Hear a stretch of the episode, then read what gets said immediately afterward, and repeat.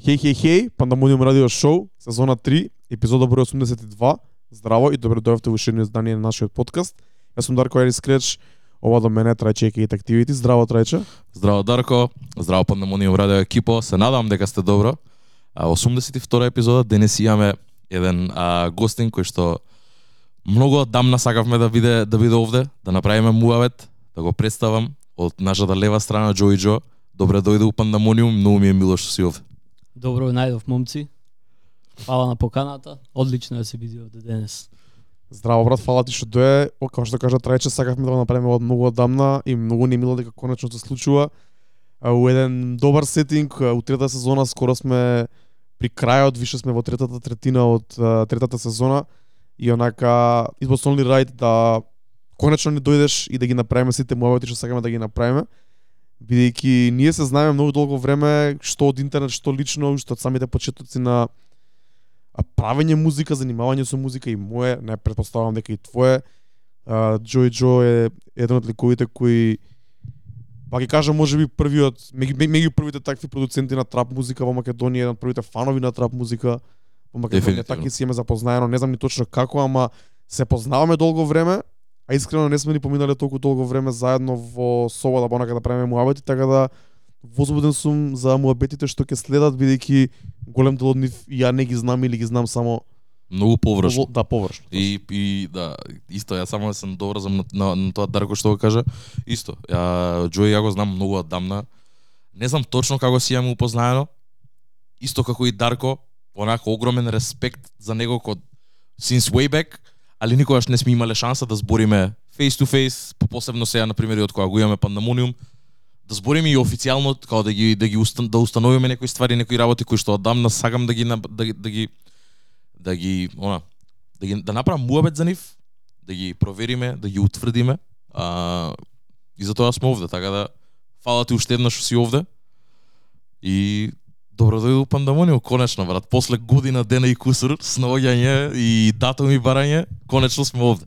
Се во свое време нормално. Да, Точно, апсолутно, точно. апсолутно, апсолутно. добро време да збориме. Предпоставувам дека а, многу од вас можеби не ни го знаат Джо и Джо или ги имаат само чуено името, тагот можеби, прочитано некаде на некој продакшн кредит, видено на Инстаграм, на Дискорд кај нас. Било не, мило ни- ми е дека а, Джо и Джо е дел од нашето Дискорд комјунити, али он е а, мултиплетном продуцент на музика, на хип-хоп, на трап музика и сите други правци, ќе збориме понатака а, кој е интернационално признаен и онака ужива во своето својата работа долго време со е, артисти од Америка, некои од нашите идоли, целиот свет, сега интернешнл онака скроз. И за тој го викнавме тука за да направиме муабет за таа продуцентска страна, тој хасл, тој интернет продакшн хасл и сите останати работи. Трече, да Брат. почнеме, мислам дека треба од самиот старт или да го представиме уште малце. Само ја на ова ќе го надополнам. А, според мене можеби е единствениот а, кој што а, музиката ја има претворено во бизнис, би рекол. А, овде многу мал број на луѓе музиката, посебно креирање музика, а да не зборам продуцирање на музика, имаат претворено во self-sufficient бизнес, и онака бизнис модел кој што им функционира и а, кој што им дозволува да да живеат и да да се издржуваат од сето тоа. Джо е еден од ретките, а со сите accolades што ги има, кој што кажа мултиплетнам продусер, а, со милиони стримс, со плетнам плекс дома, со све тоа, побаравме, не можеше, немаше да донесе, инаку човекот има плетнам плекс. А, и кој искуство е многу добро да се, мислам, да се чуе, а, како настанува се до тоа и мислам дека заради тоа сме и овде дојдени, бидејќи, кој што кажа, не мислам дека многу луѓе го знаат, ја верувам дека ако ако треба еден продуцент да знаеш од Македонија, мислам дека Джо е еден од нив да знаеш бидејќи син way уште од кога почнавме ова, мислам дека Джо и Джо е секад бил тука, па дури дури и на македонската сцена порано си го има оставено и својот својот белек, така да ќе почнеме ќе почнеме од почетоците нормално. Джо и сам да се представи, да не да не го тупиме ние на крај на денот на наш гостин. Дарко, имаме многу за зборење, така да да Ајде почнеме од некаде. хронолошки од стартот, кој си, што си, од кај си, како почнаш со музика, како како ти помина детството, значи нека да даеме да пробаме да на луѓето да им даеме некоја генерална слика за твоите почетоци бидејќи знам дека е тоа клише прашање, ама сепак мислам дека најболе да се почне така. Добро. За представување мислам дека добро ме представивте. Не би додал ништо малце нескромно од ваша страна. фала, фала ви. Беј. На, од, од, од почетоците, што знам што да ви кажам, јас сум цел, цел, цел живот сум со, со музика. Нај, најпрвите, да речам, спомени што ги имаме од музика е слушање музика на касети. Татко ми беше голем рок фан. Uh, касета од Dire Straits, Sultans of, Swing, of Swing. Не знам, Бело дугме, XU, нормално, Нормално класика. тоа. А, во основно училиште ме запишаја, ме запишаја на на музичко, на основно музичко училиште, имам завршено на основно музичко училиште на виолина. Негде таму околу 6-7 оделение ми се ми се роди. Јас се уствари од секогаш сакав на гитара да свирам, ама кога појдов на музичко немаше уште часови по гитара. И ми рекоа, жичен инструмент, научи се на виолина, гитарата многу лесно ќе ти дојде. Не беше така, ама. Ама не знам, на музичко сакав или нејчев додам не се пронајдував тоаш толку многу, ама сега ми е многу кеф што што баш да речам тие то то солфежна, таа солфежна едукација ми даде една една основа. Е, знаење за скали, едно за друго, теорија, музичка теорија. Uh, околу седмо деление негде се запишев на часови по гитара, кај Жарко Настески Точако. Прилепчани ве го зна, добар гитарист и тука почна и моја ма, тука почна се почнав да се разгранувам кон кон музика, кон продукција, да речам, тој држеше часови во студио, баш добро опремено студио. И многу често и тој работеше и со продукција во тоа време. Многу често одев, останував пред час, после час и следејќи го него можам да кажам дека тогаш прв пат сетив дека ова ме интересира. Ова ме интересира. Имав еден школски што ми даде, си разменувавме тоа седи на игри, едно друго музика, нормално. значи, Апсолутно. Тоа беше времето на T-Pain Low, значи 2007 година. Добро. Имав еден школски што ми даде едно програмче од тие Enter CD-ната што беа Добро, И- демо и- верзиите, да, да, да. да. И и софтверов ми го ми го ми го представи како Еј, абе, знаеш, најдов една програма, ти можеш малце да ја даеш ритм и таа погаѓа која песна е, знаеш, за која песна се работи. Ми го представи како Шазам. Uh, програма се викаше Fruity Loops, не беше таква како што ми ја представи. Така воопшто ме, ме збуни на почеток. скроз, скроз не беше, значи Шазам не ни постоеше. Дале, ова е 2007, Да, да, да, да. зборуваме за 2007, 2008. А, ми остана мене програмава, на неј имаше демо песни. Сватив дека е до. А, професоров по гитара работеше на Cubase. Ја снимив и Cubase едно време. Многу ми, ми, ми делуваше сложено. Немав тогаш толку добар компјутер. Нормално, домашниот компјутер што ги брка сите други обврски. Нормално не е за правење музика во тоа време. И Fruit Loops ми остана, почнав да ја чепкам, почнав да ги разгледувам тие проектите што беа внатре. И тоа беше тоа. Значи ова збориме крај на 2000-ти, значи 2008-2009 Да, да, да. Која музика ја слушаше тогаш како дете, односно како млад човек и ш- во која насока почна прво кога ја чепкаше Fruity Loops да правиш битови инструментали? Нормално кој секој седмоделенец тогаш ги слушавме легијата. Значи ги слушавме токсикологија дојде после. Сладкар. Се што излезе тогаш, се што излезе тогаш, знаеш тогаш си бунтовен, си сакаш да си рапер, сакаш да снимаш музика, сакаш да правиш музика, сакаш да и те интересира се, значи тогаш и Timbaland излезе овај Shock Value албумо 50 Cent uh, Тие се. Straight to the Bank, значи мислам дека 2007 Straight to the Bank ми беше химна. Да, да, да, тој период. Значи тоа се слушаше некој, не знам, генгста рап дали може да се каже тогаш веќе замираше тој правец сега ако Тоа се вратам. смртта на генгста Да, рапот, ако се вратам сега. Kanye West излезе, Kanye West никогаш не ми беше не ми беше омилен во тој дел пошто знаеш тогаш нели имаше вадеа 50 Cent и Kanye West во ист ден и знаеш сега го 2007 гледам Да. 50 Cent го гледам со албум каверов со панцир набилдан и го гледаш Kanye West со сив со сив костум, знаеш, никако не ти е апилинг во тој во тој период, значи не не не не не, не се пронајдуваш каков костум човече, знаеш, кошула од вај носише, што се вика. Точно, точно. Да, И- така е, да, тоа беше тоа времето. И тоа е нешто што можам да што можам да се присетам, така некако почнав. Почнав да правам и така цело време од тогаш, значи со тек на време се појче и појче време сум сум сум посветувал на на креирање музика. Така можам да кажам. На пример, еве, од, од тие почетоците, а, кога е, на пример, моментот кога веќе, на пример, ако збориме 2010-2011, предпоставам, из цел тој период си си го чепкал, ефел останало која латката да која што да сакаш да користиш за за да креираш музика и на пример си викаш доаѓа новиот бранд, доаѓа трап музиката на пример. И као од кај почна ти на пример, као прво ко фан, кои продуценти, кои песни можеби ти те, те, те инспирираа за да почнеш да креираш трап музика на пример? Скот Сторч. Значи јас пред да почнам да правам трап музика 2010, 2011, 2012 нека е. Јас до ден денес сум најинфлуенсиран од број 1 Скот Сторч, број 2 Timbaland, број 3 тогаш беше Доктор Дре, никогаш не не сам јас многу го почитувам нормално, никогаш не сум бил посебно инфлуенсиран од Доктор Дре, колку што сум бил од овие други двајца, али јас пред да почнам трап музика, јас правев а, матрици како што ги прави Скот Сторч, значи то то за мене беше нешто многу свеж звук, значи број еден ми е до ден денес поминале многу продуценти, многу продуценти сум простудирал. Значи своевремено со Скот Сторч, Фарел. Значи оние тум тум тум тум четири то четири Да, да, такта броење пред да почне, значи сум почнал да гледам некои некои сличности, исто и кај Тимбален. Тимбален има многу звуци. И Скот Сторч има многу звуци. Beyoncé има и Self and I, значи љубовна песна, имаш после Lean Back. Имаш нешто како Реми Ма Conceited, што мислам дека му е на Скот Сторч и него најмногу му лежи. Нај нај она не е меинстрим звук, онака баш како Lean Back, ама е арапски, е добар, е чуден, е минималистички, значи 4-5 елементи има во таа матрица. Тогаш сум тогаш сум сум сум заклучил дека сите големи продуценти имаа некој вид на препознатливост во матрициве што ги има продуциран, во песниве што ги има продуциран, не матрици, тие се продуценти.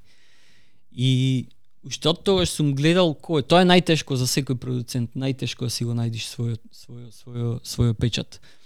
Uh, да се навратам малце поназад, значи Башка од нив, Red One, одличен продуцент, не е многу познат. Мислам тој Pitbull пола каталог му го има направено. JR Ротем. Uh, JR Ротем сега брзо дознав дека имал некој подпродуцент негов како талент што зел да го не. Тој ден денес го знаеме како DA Got That Dope, значи човек што ја направи Taste од Тайга и некои слични да. такви. Значи тогаш него му бил како асистент или што и да е. Сега ми текна дека имам некоја песна негова слушната уште од тогаш и сега поврзав дека види го, значи човеков работел под него ден денес е 2018-19 број еден продуцент во во свето. Да, да да сумираме Скот Сторч ми е најголема инспирација пред да почнам трап музика правев се што е Скот Сторч, се што е Доктор Dre, G Unit и после веќе почна тој бран Waka Flaka No Hands што ја зборувавме. А што можам друго да издвојам од тогаш? Flowrida со David Guetta, uh, Club Can Shut Me Down. House никогаш не се научив да правам, ама имав многу многу обиди.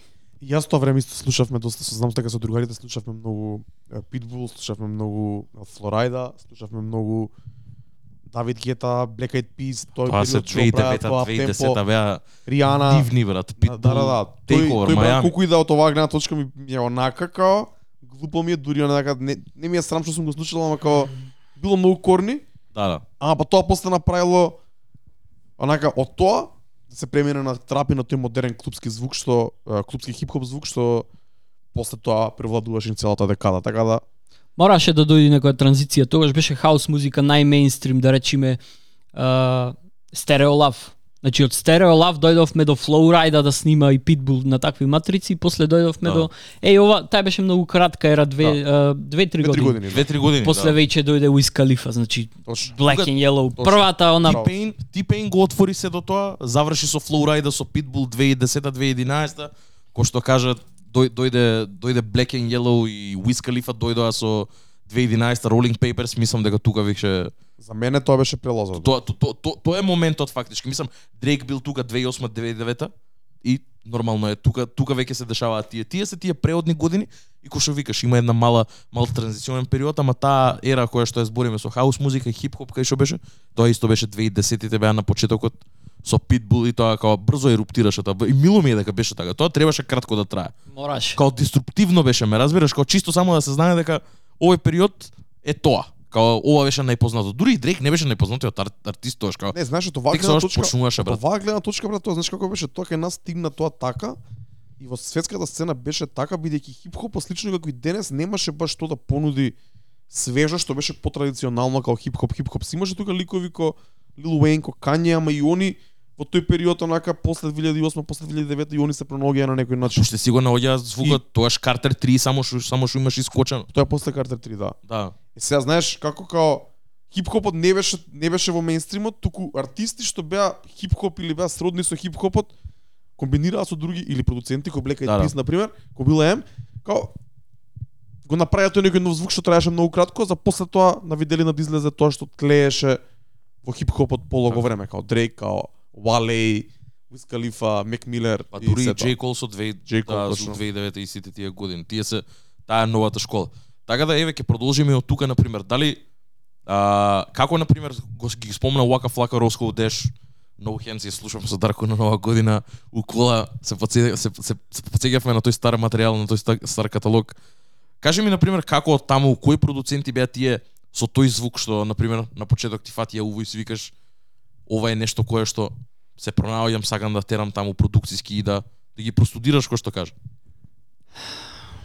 На Black and Yellow продуцент, продуценти се Stargate. Двајца швеѓани што Diamonds Rihanna, значи Dancing with a Stranger, Stranger од Sam Smith. Тие тогаш што го работеа. Uh, so Sick од неја морам да ја спомнам нив. Uh, ги простудирав и нив. Uh, интересно ми беше кај нив што uh, успеа овој генгста рапов да го крена на некое мейнстрим ниво. Значи не звучеа Black and Yellow и uh, I Get Money од 50 Cent исто. Значи, Да, не звучеа исто. Овие имаја искористено синтесајзери што ги користаа во поп музика за да направи мелодија која што би била апилинг на, на, на рап публиката. Тука јас го испеков за наето во смисла што јас најмногу да речем како средношколец креативноста ти е ти пука, ама и ти не знаеш кај да одиш, не знаеш што да правиш. Јас во тоа време секоја песта што ми беше на уфце да речам, јас одма пробував да направам што е можно по прецизен ремейк на таа матрица. Ја спомнав No Hands пошто таа беше прва матрица која што сакав да направам она баш ремейк. Значи еј, јас ја земам, гледам дека ги имам истиве звуци, да речеме оние 808 Keaton што е Значи најкласичен, класика нема никогаш да узимри тој. Што и да се случи во музика, че има 808, че има тој клап, че се користи негде и да не е актуелен во сенка, че биди ама че биди тука. А, почнав да правам ремейкс на, на, на познати песни и така а, така научив sound selection. Зошто во матрица, зошто матрицава од Roscoe Dash од Waka Flocka звучи различно од мојава. Еве зошто. Ко ќе го направам ремейк, го гледам дека со тој 808 кит оди брас, да речеме. Овие трампетите тоа што беа труби и се слично. Че тоа одлично се комплементира со тој ритам. А, на, на брас можеш да клаиш оние камбани нешто се како акценти. Значи тука тука сватив зошто пример денес во кулинарство ретко ако и еве сега да не да не претерам шеќер со сол не се меша. Свеќаш, значи има одредени работи што одлично се комплементира со нешто, има одредени работи што едноставно не е она музиката нема правила па че измислам нешто ново, туку едноставно не звучи за уво. Значи треба да а, и треба да треба да се разграничи дека тоа што нема правила не значи дека можеш да правиш сето го треба да да биде како што треба тоа се треба да ги научиш тие правила Не за да можеш да ги Да, да. за да можеш да ги прекршиш и да дојдеш до да пополниш некоја дупка што не никој не знаел дека постои тука. И така преку правење на тие ремейкс после веќе Mike Will Made It излезе 2012 значи. Така. А, ова како се викаше Good Cushion Alcohol од Lil Wayne Future. А, Rihanna Throw It Up, мислам се викаше некако. Up, Pour it up, Miley Cyrus, pour it up. Pour It up. 23 Беше и малце за, за 23 не, ама овие две-три песни што ги спомнав да си ти имам ремейк онака направено, да речем, еве нека е сега, ако се вратам во сум, тогаш ми звучи листо, пошто сум ги погодил листите елементи, сега е некој 7-80%, ама тоа беше тоа што ме што ме што ме а, ми даде некоја вештина што не знаев дека ми требала. Значи, шо со шо оди добро, шо со шо може да се искомплементира, trial and error, пробај ова дали чини, дали не чини едно друго. Тоа е тоа што најмногу ме, ме тука ме сконцентрира на прајање на музика и веќе со тие ново acquired вештини се се префрлив пак на прајање мои оригинални и не знам, тој период така го памтам. Значи средно правев многу ремейкс, то ми помогна многу не знаејќи, ми помогна во да речем во sound selection премногу, премногу. Јако. А дали тогаш више имаше конекција со некои артисти од Прилеп, од Македонија, од странство може би или се се беше основано на тоа ти се седиш дома сам си правиш ремикс ремейкс и си ги слушаш ти сам и си ги споредуваш. Дали имаше некои круг на соработници, некои круг на луѓе со кои го комуницираш и го правеше ова заедно? Имаше и немаше. Немаше, пошто тогаш мислам дека тој период не ни излезе, за мене беше вау, некој да сними песна на моја матрица.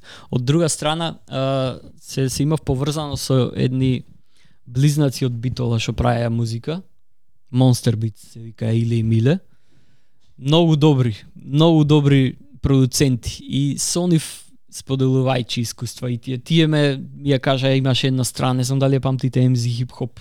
Да, да, да. Да, да, да. Ти се рато симнатија таму. Е, е, е, е, значи таја страна, сето се- најново што е, значи Да, да, јас јас Денес Сега- сега, денес е на сајтот, брат, не 20 чекаш. 30 секој ден песни Да, да, да. да, да, и тие 20-30, тогаш многу интересно ми беше, знаеш, и тогаш и то некако следењево на музика ми ми даваше некој едж пред сите. Пример јас тогаш излегуваа оние, знаеш, а, коче средношколски, знаеш, по три месеци сите ја слушаа песна, ти си ја симнал ден тако излегла, ја слушаш до тогаш, знаеш, сите веле, е, слушни ја песна, ама кај бевте вие, јас која симнав тај, такви, Да, такви брат, приказки. Тројца ги имаме правено тоа. Да, да, Ја, да. брајно, да, такви нердови бевме, audiomec.com, брат. Се што ќе искочи, брат. Да, да, многу ми е жал за тие страни. Нормално веќе то то тогаш беше нерегулирано, се регулира и тие страни не може да го праташ во прави. Значи high quality, high quality CD quality песни на Да, да. ова на песниве квалитет. Симнуваш го имаш, не, нема шо. Тоа е то, тоа е таја ера. Ја, Со со близнациве од Бито гледавме, правевме матрици едно друго и веќе тош 2012-2013 се запишав на факултет во Штип на стоматологија. Менуваш средина, менуваш начин на живот, значи мораш да бидеш е, сам поодговорен, средуваш едно друго, нормално, студентските дани сите ги знаеме какви се, не си одговорен. Ама имаш многу поќе слободно време, пример, дома ќе ти рече учи, овде нема кој да ти рече учи. Ти ќе учиш, ама знак прашалник колку. И сега сам си со лаптопов, некогаш ти си излегува, некогаш нема ти си излегува и што чепраш, или ќе играш нешто или во мојот случај мене многу ова ми беше игра интересно, не знам, ме, ме привлекуваше едноставно. Тој беше период кај што нај мислам најконзистентно работев пошто немав некој некој а, квалитативен филтер. Се ми звучеше добро. И квалитативниот филтер ми се појавуваше, да речам, од година на година. Пример, во 2014, ако ќе ги слушнев работи што сум ги сработил во 2013 не ми звучеле добро. 2015 не ми звучи од 2014 добро. Годинава не ми звуча стариве од лани исто толку добро, мада гледам негде кај што има некои матрици кај што би рекол еј, и да ја отворам сега матрица, нема што да сменам овде, тоа е тоа. А обично има од претходниве години заменување. Браво, тоа значи дека Да, напредуваш е цело време, а од друга страна чим ти се почна да се случува тоа, значи дека више имаш стигнато до некој ниво на квалитет кај што сега си тука на на 100%, близко до 100%. Да, ама мислам дека и тоа е брат way of life е тоа. Мислам дека е нормално за ако доволно го работиш сето тоа на крајот више и тоа го имаме зборено и на пример и музика тоа што примаме сега можеме многу побрзо да разграничиме дали е нешто добро или лошо. Така да посебно за твој собствен продукт кога работиш и кога знаеш кај си бил година и сега си ги враќаш назад стварите, точно знаеш што можеш да подобриш, кај можеш да подобриш. И мислам дека тоа е прво пред се многу здраво и многу добро за свој саб собствен напредок онака да кажам бидејќи да знаеш кај си почнал, до кај имаш стигнато и до кај кај си стигнал брат, едноставно со со стварите кои што ги правиш. Зборевме, стигнавме некаде до 2013-2014. А кажи ми на пример кој е првиот turning point на пример кај што некој со не, некој некој некој правеше песна со твој со твој бит влезе у студио со некој продуц... со некој друг продуцент рапер. Кој беше кој беше тоа првото искуство?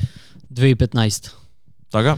пред да дојдеме до 2015 2014 веќе излегува Метро Бумин на национално ниво во Америка.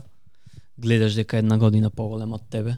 Има песни со Future, каталог, има песни со Lil Wayne Karate Chop, има песни со не знам, со сите можни, Карате Чоп е Метро Бумин продукција? да. Не знаев и ја, не знаев и ја. А, Карате Чоп ја на- излегла песната ко последните денови пред да матурира, да речеме, пред да зависи. Значи, има интервјуа кај што кажува, значи, јас сум матурант, излегува карате чоп, ми се сменува животот, значи. А, и тогаш гледаш и тогаш Да, тогаш сваќаш дека еј, знаеш, ова е една година поголем од мене. Моментално овој новиот правец што се појавува го води тој. Дај да видам ја што можам да направам. Тогаш си во, во, во тој период си каки онака, знаеш. И моје матрици се супер. Не се, ама ти мислиш дека се. И тоа е битно, пошто тогаш тоа те тера да одиш напред. Не се, ама ќе ги средиш, свеќаш ако имаш мотивација, ако одиш напред. И а, правиме матрици како нив, како Метробумин, Метробумин прави ти го правиш сличното, значи уште тогаш немаш печат, правиш тоа што се бара тоа, правиш не, уште некој ремейкс тогаш веќе престана, веќе некако не ја гледав, смислата на ремейкс не ја гледав до пред година и пол, две што ја правев, што сум ја правил.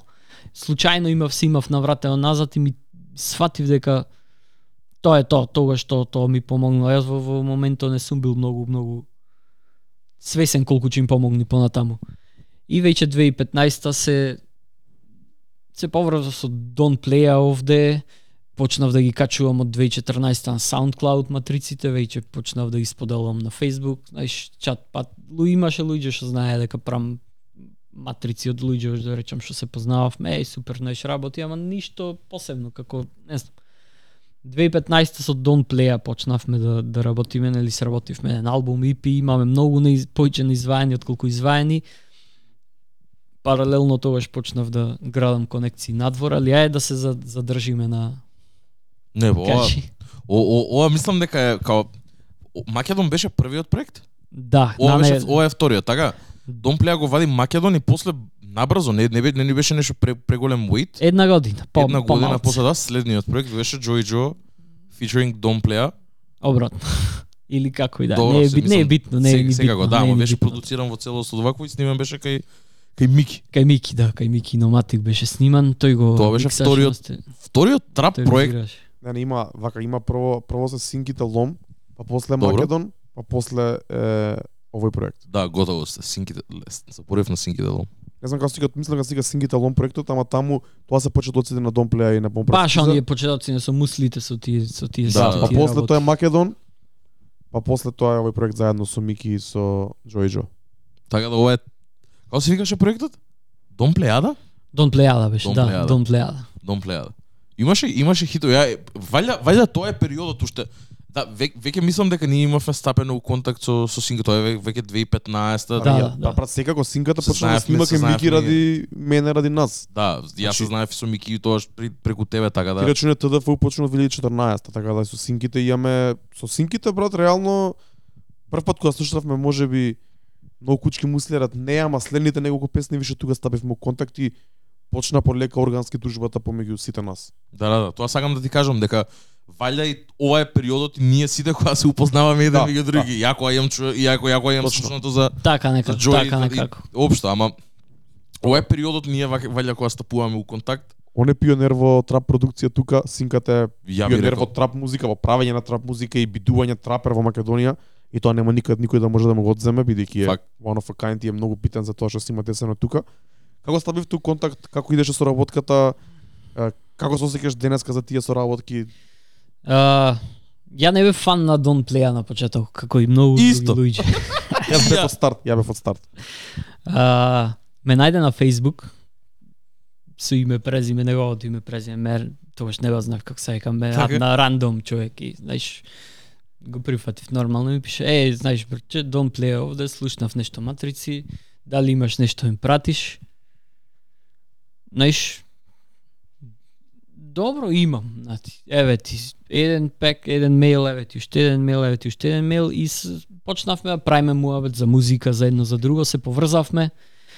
Почнавме да работиме, почна да снима. Го спомнав Дом Плеер ради една битна работа. 2015 се видовме, бев кај него во Скопје на гости, требаше да финализираме нешто, да снимиме, да средиме. И то беше една се, тогаш мислам дека јас колку што памтам прв пат влегов со артист во студио, не е студио, со работка нека е онака баш да ти дај доверба. И имав некоја матрица што ја правев предходниот или пред предходниот ден. И си викам ова е скроз како Дом Плеја, значи одам сабота му ја пуштам и тоа е тоа нема шанси да не. Одам, правиме муавет, му ја пуштам матрица и, и знаеш јас сум самоуверен. Матрица е одлична, матрица е стил на Дом Плеја, матрица е нова, тоа тоа што излегуваше во Атланта.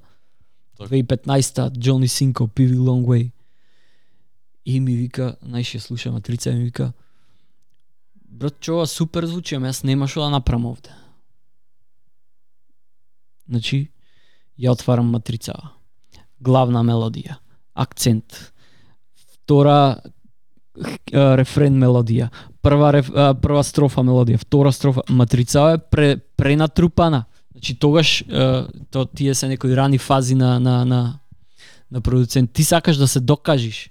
А уствари не, не, не знаеш дека треба да оставиш место за да може нешто да се направи на матрица. Тогаш е то, то тај беше то, то беше некој преокрет за мене кој ми брат супер матрица. Ама јас нема да немам што да направам овде, полна е. Нема место за мене. Тоа беше, знаеш, ми отвори нов хоризонт што никогаш не сум знаел дека треба да го земам во обзир кога ќе правам матрици. Матрици звучеа добро, матрици звучеа. Таа конкретно матрица имаше 16 мелодии. 16 мелодии. Немаш каде вокали да ставиш едноставно, да. Кај чекаш на 16 мелодии. Нема. Пред сето е виолина, а, имаше tubular bells, имаше онакво music box, они едни glockenspiel ги вика, баш она класична music box а, Така. инструментче. Имаше пиано, имаше гитара електрична, лошо од VST земена, не звучи ни на гитара. Имаше многу елементи во ритамо. И тогаш сватив дека, знаеш, ова ако прам, можем да го прам за мене и за брат ми да го слуша, ама не може ова да сними Така. артистов да иде извади добра песна. То, тој беше тој преокрет кој што сватив дека клај ти се, ама тргни после. Знаеш, ако сакаш да се издуваш, да искомпонираш се што ќе те инспирира во моментот, направи го тоа, ама знаеш дека нема да биде како што треба за артист. Мило ми е дека си го сватил тоа тогаш, бидејќи мислам дека тој проблем го има голем дел на продуценти, посебно што работат, што кои се млади, кои сакаат да се докажат, многу убаво кажат тоа бидејќи го кажа од лично искуство. И јас лично имам онака дајано некои совети, некој фидбек на артисти кои пуштале битови, као брат, ова е добро, ама ова е више готово нешто, ова може да се искористи за реклама, за филм, за било Да, што да. да го ставиш за некој after movie или слично. Ова не може да се користи за правење на музика и пишување текст или пеење врз него. Да, да, апсолутно. Затоа ти викам, има мене ја мор- морам морам ова пре го кажав на Джои кога кога зборавме, интересно е дека он ги вика матрици, нити ги вика битови, нити инструментали брат. И претпоставувам дека он си има своја дефиниција за матрица што е, што му значи него, а, што значи инструментал, што значи бит. Сосема валја, валја, валја ги валја ги дефинира на поинаков начин, едноставно можеби или генерацијски дека и он е малце повозрасен, не е на пример од тие по мислам повозрасен, него викам стар, значи ти, сите да сме врстници, прекиме ми се смееш за ова. Не знам зашо цело време кога ќе спомнам години Дарко се кикоти, али нема врска, не, не, не се викам, не не викам нас стари, едноставно сме повозрасни, него ли на пример стандардните луѓе што што што би не гледале. Ме разбираш дека едноставно као или што не слушаат, ние сме малце повозрасни, а и мислам дека као тоа доаѓа бидејќи и со искуство, ја не би рекол дека на пример дури, еве, ќе спомнам Джои на пример и човекот кој што победи кај нас на Beat Battle на Дискорд. И мислам дека тоа е исто така не не дека не дека го не дека е некој екал и како човеков има мултиплетнам хит онака најмалце е дека победил кај нас на Пандамониум. Ама сакам да кажам таму се пријавија луѓе кои што се многу понеискусни од него и кога кога ни на сите бит submissions, неговиот звучеше комплетен, ама со доволно простор за да некој да фрли 16 на него. Као буквално беше направен така, беше третиран како така. Заради тоа го гледам тоа дека И го сваќам тоа што сака да каже дека као Апла си има си, си има гледано и, и преку муавет многу краток што направивме овде е дека као селф критицизам е многу битно дека се истражува се цело време пробува нешто да направи и да види до кај и што е и да се ги свати и грешките, ако се грешки. Тоа е learning процес е на крајот на денот. Се враќа чекор на назад и после го правиш што треба. Така да мислам дека тоа е многу здраво. Се, се до сега што кажа е само еден, еден ев- еволуирачки процес многу добар кој што мислам дека секој треба да го недои, не само продуценти, артисти, рапери, се брат. Ко мислам дека можеш да го применеш на најразлични начини. White belt mentality, брат. Мораш да останиш а, не при, приземен, да, тоа е веќе друга сфера на размислување. Мораш да сватиш дека од секој човек продуцент нека е во случајов можеш да научи. Јас сум сигурен дека Лука Райхол одличен продуцент, значи. Јас сум сигурен дека ако детето може година две, не знам колку прематрици, гледам потенцијал во него. Јас сум сигурен дека ако седнам сега ако го гледам што работи, и јас можам да научам нешто. Дали ќе биде некој шорткат, дали ќе биде некој трикче како го прави тоа да, да, да звучи. Така. Сигурен сум дека ќе можам да црпнам нешто. И сега тоа зависи од човек до човек. Од него може малце помалце од Дарко Димитров, нека може да цело време дури гледаш, нема ни да запамтиш се што си видел. Али од секој човек, ако мислиш дека, а се случува да имаш фаза кај што мислиш дека знаеш се, дека си најдобар, дека тоа е неминовно и треба да го има. Ама мораш да ја поминиш, мораш да го поминиш тоа. Мораш да го поминиш тоа. Uh, паралелно со тоа тогаш нели почнав на SoundCloud да ги клавам матрициве и почнав да гледам како маркетинг, знаеш, не, никогаш не сум бил ни во маркетинг, ни воведен, ни уведен, ни ништо такво. Почнав да гледам туторијали како да се маркетираш на SoundCloud. Имаше еден еден едно видео што викаше не го изгледав цело, ама тоа што го видов беше како демек најди некој на кој што се угледуваш што би ти бил сличен како сам е сличен што го работи на тоа многу успеш. Појди кај него да еве тој го зеде во за во за за пример Метро Бумин. Појди кај него во following. Најди ги тие профили што се со под илјада followers на SoundCloud и додај ги нив. Ти има многу шанси дека ако ќе види дека некој ги додал, ќе те дода и тебе. И така го се се се поврзав со први артист од од Америка, Пайро се викаше. А, не ми текнува точно од кај, од Мемфис. Од Мемфис. Така. Човек кој е учител и во слободно време снима рап. Музика, трап во тој случај беше. И со него се се се поврзавме, му пратив матрици, сними, изваде. И од еден к- а, таја мрежа на соработници се се се се размрежува, се размножува од еден на друг, од еден на друг, од еден на друг. Една врата ти отвара три, од тие три две ќе ти ги затвора, ама таја едната, други три ќе ти отвори. Од тие три пак таја една што ќе остани други. И така едноставно ги шириш луѓево, Да речам, после имав едни од Чикаго, беа тројца во група, со нив соработувавме. Добро, и како оди сега тоа? Значи ти му пишуваш на него, еј брат, имам имам битови да ти пратам, така или или Да. викаш провери ги битови што се на мојот профил. Да бе, да, да. Конкретно на првиот на Пайро и он ти вика добро, ова ми се свиѓа и Да бе, да, прати ми го, му го праќаш, ја правиш збориш соработката, за пари за тие работи или не? не збориш за пари, не. Значи само е демек да стапиме у контакт да почнеме Да, да, да видиме што е, како е едно друго. И од тука а, почнуваш да да да речем на SoundCloud веќе имаш Produce by Joy Joe, една, две, три, пет, десет песни. Свеќаш, не е битно дали се големи или мали артисти, во тој случај ти е инкрементален прогрес нагоре одиш. Тоа битно. е. Значи, ко ќе изле, ко ќе ко ќе кликни нов, гледа дека веќе некој снимил на матриција. Значи, многу битна работа. Тие песни ти ги ставаш после пак кај тебе или само си ги стават артистите на профилот, а ти ги репостираш?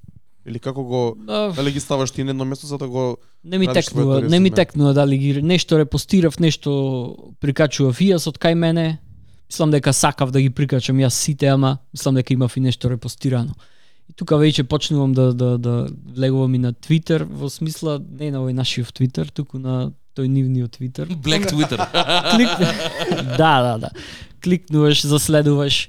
Uh, Young Tag во тој во тој момент беше најпроминентен артист. Uh, Slime Season или Slime, не, Slime Language беше албумот. Slime Season 1, 2 и 3. На еден онлиф Young имаше неколку песни што беа продуцирани од Айзак Флейм, се викаше, Стана по конкретно. Страшна матрица им беше мене. Тој продуцент многу ме подсеќаше на Лондон. На Лондон on the track. А, го заследив него на Твитер и памтам дека 2016 беше еднаш седев и само гледам пишува да ме еј продуцент, знаеш, пратете ми матрици таму и таму. Во моментот му пратив матрици, ми врати, знаеш, снимам, не правеше ни вјус ни ништо посебно, али соработката е битна. И 2017 пролетта изваде микстейп. На тој микстейп ја имав една песна. На песна гостин беше Деко. Продуценто од Слипери, од Walk It Talk It, ја спомнавме преđe. Од K-Cap 100. Значи, снимал и тој како песни, се знаете двајцата од Атланта, му гостувал на песна, знаеш, одлично, quality control во кредит, можеш да го пишеш дека дека од quality control ти снимил, знаеш, гостувал на твоја матрица. Се поврзав со него и така почна што знам, се да речам, ти тие конекции веќе почнаа само да се затврстува, да се проширува и и така натаму и така натаму. Како се поврзал со него бидејќи ми кажа дека ти си пратил битови прво на првиот што побарал, така? После он бил фичер на На Айзак Флейм. на Isaac Flame, така? Да, Фил он- Фил Райт мислам дека се вика Добро, песната. после он така да. знае кој е продуцент и ти, ти му рича од на демек јаве. Да, јас да, да, јас му пишав, му пишав на Инстаграм во смисла Знаеш, еј брат, че одлично си сработ, си си снимил на Фил Райт, имам уште некоја матрица за тебе ако сакаш. И од од од сите други од тој континент кои ш- кои што ми дале минимален фидбек, Дико некако како ми ги отвори рацеве човеков. Како да ме подзеде во смисла почнавме да се слушаме, знаеш, тој беше тоа одличен продуцент. Топ продуцент како артист, прва, втора песна. И знаеш, имаш потенцијал ми вика, знаеш, ова прај го, ова немој да го правиш, вака прај, така прај. Многу пати знаев да му се јавам да значи во оваа ситуација како би постапил ти или нешто како да како да не знам како да ти кажам, некои суштински прашања што се многу битни за за да знаеш кај што ќе заглавиш да те прескокне, да те префрли. И имавме многу колаборации со него. Многу матрици имавме направено со него. Мене тоа ми беше одлично тогаш.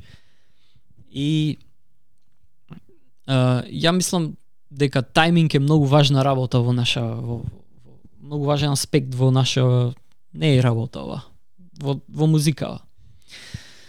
А, кога имаш мејл од некој, джем за сите продуценти, кога имаш мејл од некој, гледај да го следиш на социјал медија.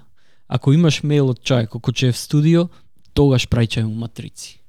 Значи тогаш прајчај му матрици. Не му прајчај во 5 сабајле, не му прајчај во 9 сабајле, ако не знаеш. Мислам ти прати му. Ама ако ќе видиш дека е в студио, клал. Препрати сите- го. Да, да, да, да, да, препрати го. Препрати го, да. Препрати го. Значи најмногу шанси имаш за тоа што ти е работа. Гледај ка мејл му стасува, ха чекај да слушнам. Во моментот кога ќе си креативниот креативната енергија ако ќе ти е на стотка, ако слушнеш нешто што ќе те инспирира, ако си добар, ако го погодиш моментот, многу повеќе шанси имаш за соработка со со артистот. И да се навратам на тајмингов, видов дека на Деко, Деко и Оджи Паркер работеа тогаш заедно. Видов дека Оджи Паркер му е нагости дека прама матрици на стори има е клаено. Му пратив мејл со колапс, со лупс, zip фајлови, јас не ичам многу лупс. Zip фајлови се тие. Што значи zip файл? Zip файл значи дека проектов што сум го сработил со сите VST клајон, со сите ноти наредени како што е кај мене, го зиповам, zip файл ти го прајчам. Ти го отвараш, истиот проект што е кај мене е и кај тебе. Не е MP3 файл како Така. луп, што не можеш Туку working working проектот му го праќаш. буквално него, да. working проекто, пошто може и луп, ама ако него не му се бенди са пијано во место виолина да искористи, Не може да ја смени. не може да го смени и пропаднала, може да е одлична идеја. Вака во моментот може да видиш што се случува, што правиш и Така. како е ва- Он може да го мени у А, in може да го time, смени, да може да работи на може да него. го смени, пошто колку си поискусен продуцент, толку повеќе работи слушаш што порано не си ги слушал. Така. Му прати во моментот uh, zip файлови, файлови ги отворија, гледам дека има мейл трак, чи исто джем за продуценти, мейл трак обавезно. Гледам дека го отвориле мейло. Не клава стори ништо. Си викам сега што да шо- да направам да му се јавам на човеков, што да го прашам, а да не испадне дека му звонам така.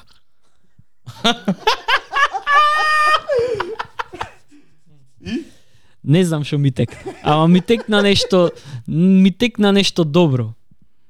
И му се јавив и му викам, еј, абе, како е? Еј, не, не знам ни дали стасавме до прашањето. Еј, само што ја завршивме матрица, а со Оуджи Паркер сум. Еве го, кажи му чао. Прајме, знаеш, чепнавме уште една ваму таму. Направите си муабет нешто да ме Направивме два реда муабет. Одлично, Да, ама супер. толку е. Ти како си едно друго, ама мене стотка срцево ми пука, сваќаш моментално во Атланта најголемите продуценти се слушаш на видео кол и му викам бе добро че те барав за нешто, ама демек гледам дека сте зафатени. ми вика не, не, ми вика чекај работиме сега че ти се прејавам за некое време демек. Тоа беше тоа. Уживај брат, не мораш. Зова те барам. Готово, завршено е. Да, да, да. Crazy, а брат. Ја ќе ти кажам, ова ова се до сега што ми го збори ме потсеќа на хасал, брат. Ова е хасал. Тоа е брат. Ова не е ај битови да правиме, разбираш? Ова е ај да влезам во музичка индустрија, брат. Да направам бизнис модел што ја ќе влезам и ќе им се признам. И затоа затоа беше битно да дое Джои овде да ги и мислам не, не сме стигнати до никаде. Сакам да те прашам, ова многу ми ама многу ми многу ми е интересно. Ова е пред или од кога беше у Америка? 2018 е ова. Вајде, Од, од кобе, од кобе во Америка, да. Мора да се вратиме назад, мора да збориш. Го Ја- заборавивме тоа. ја инаку вчера пред да пред да тргне човеков правевме му се спишувавме на Вибер и му викам брат ај викам пред да да дојдеш на подкаст ја те прашам директно ова ми е викам мит не знам викам од кој го од кого ми од кој го имам слушаното ама ај прво викам сакам да го проверам со тебе дали е точно или не, викам за уопште дали го збориме на подкаст или не. И само му ја кажувам прича, што е јам чуено, брат, немам појма од, од три уши е јам чуено, онака сите различни верзии им викат, да брат, точно е, ќе збориме, така да. А, о, ја, ја исто така, вчера добив потврда од, од Джој, никаде го немам прашано, пошто нема, нема, нема стигнато до таму кај што, е брат, сериозно ли ова? Али ќе збориме дека мислам можеби и тоа, мислиш дека тоа е на пример еден од главните водечки моменти кај што си кажа да, ова сакам да го правам for life, онака, ова сакам да го направам мој работа. Знам дека кажа музика не е работа, ама на крајот на денот е работа. Си А- кажа, си, о, може тоа, тоа беше тој прелазниот момент кај што кажа факет сакам сакам овде, сакам да се инфилтрирам у се во ова.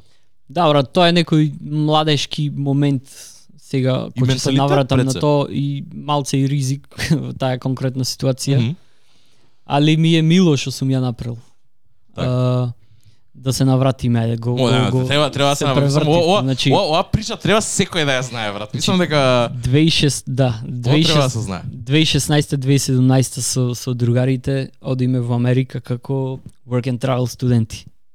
Нормално. Ја веќе имам ја веќе имам некоја конекција створено, али сите се далеку, сите се парт-тајм рапери, никој нема да направи напор да дојди преку пола Америка се видиш, а и да се видиш што јас имам еден ден, имам само лаптоп, немам микрофон, нема ништо да снимиш, ни ништо. И си викам, тогаш а, таа ситуација беше на крај на 20, односно крај на летото на 2017, пошто преку лето се оди во Америка. И сега јас цело време сум со некој план да бе чудам Атланта, знаев еден продуцент, Трел се викаше. Тој имаше работен со Soulja Boy. И многу си живеевме. Бев ја во една група пред тоа со- така со продуценти. Ништо, ништо сериозно, ништо, али онака сите под исто се водевме, него ни памтам имево. Сите под исто име се водевме. И од сите најмногу со него се заживев, се слушавме и предходно едно друго. И тој цело време ми велеше уште од 2016 предходното лето, дојди, дојди, дојди, знаеш, дојди кај мене, че спиеш едно друго, че сработиме. Тој имаше студио дома, речам, студио колку собава, опрема едно друго. И крајов на 2017 лето за назад ние од Атланта. Дечки бе, и да дојда, само нема што да право студи. Значи ако одиш тренек треба да шетниш негде. И му викам јас че резервирам карта еден ден порано. Значи сабота во 8 сато се гледаме на аеродром за во да речеме пример во 12 еден да полетаме, не ми текна точно како беа. Знам дека после од ручекта беа. Петок 12 околу 12 дента јас слетав во Атланта. Другарчево ме зеде.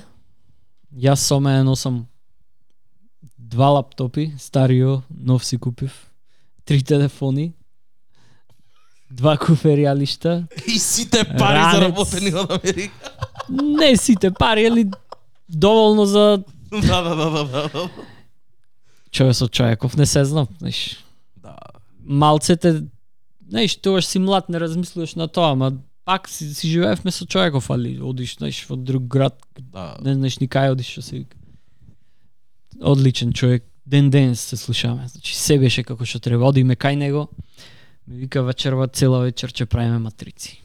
Тогаш никога, мислам имав правено, јас си пример ние работевме по две работи, Америка се случуваше од 9 до 12 работи, дојди си дома до 3, 4 да по 7 да те тера, значи што ако си ти изморен капнат цел ден, те тера, сакаш, че чепниш, може нема да биде онака 100%, ама нешто ќе направиш.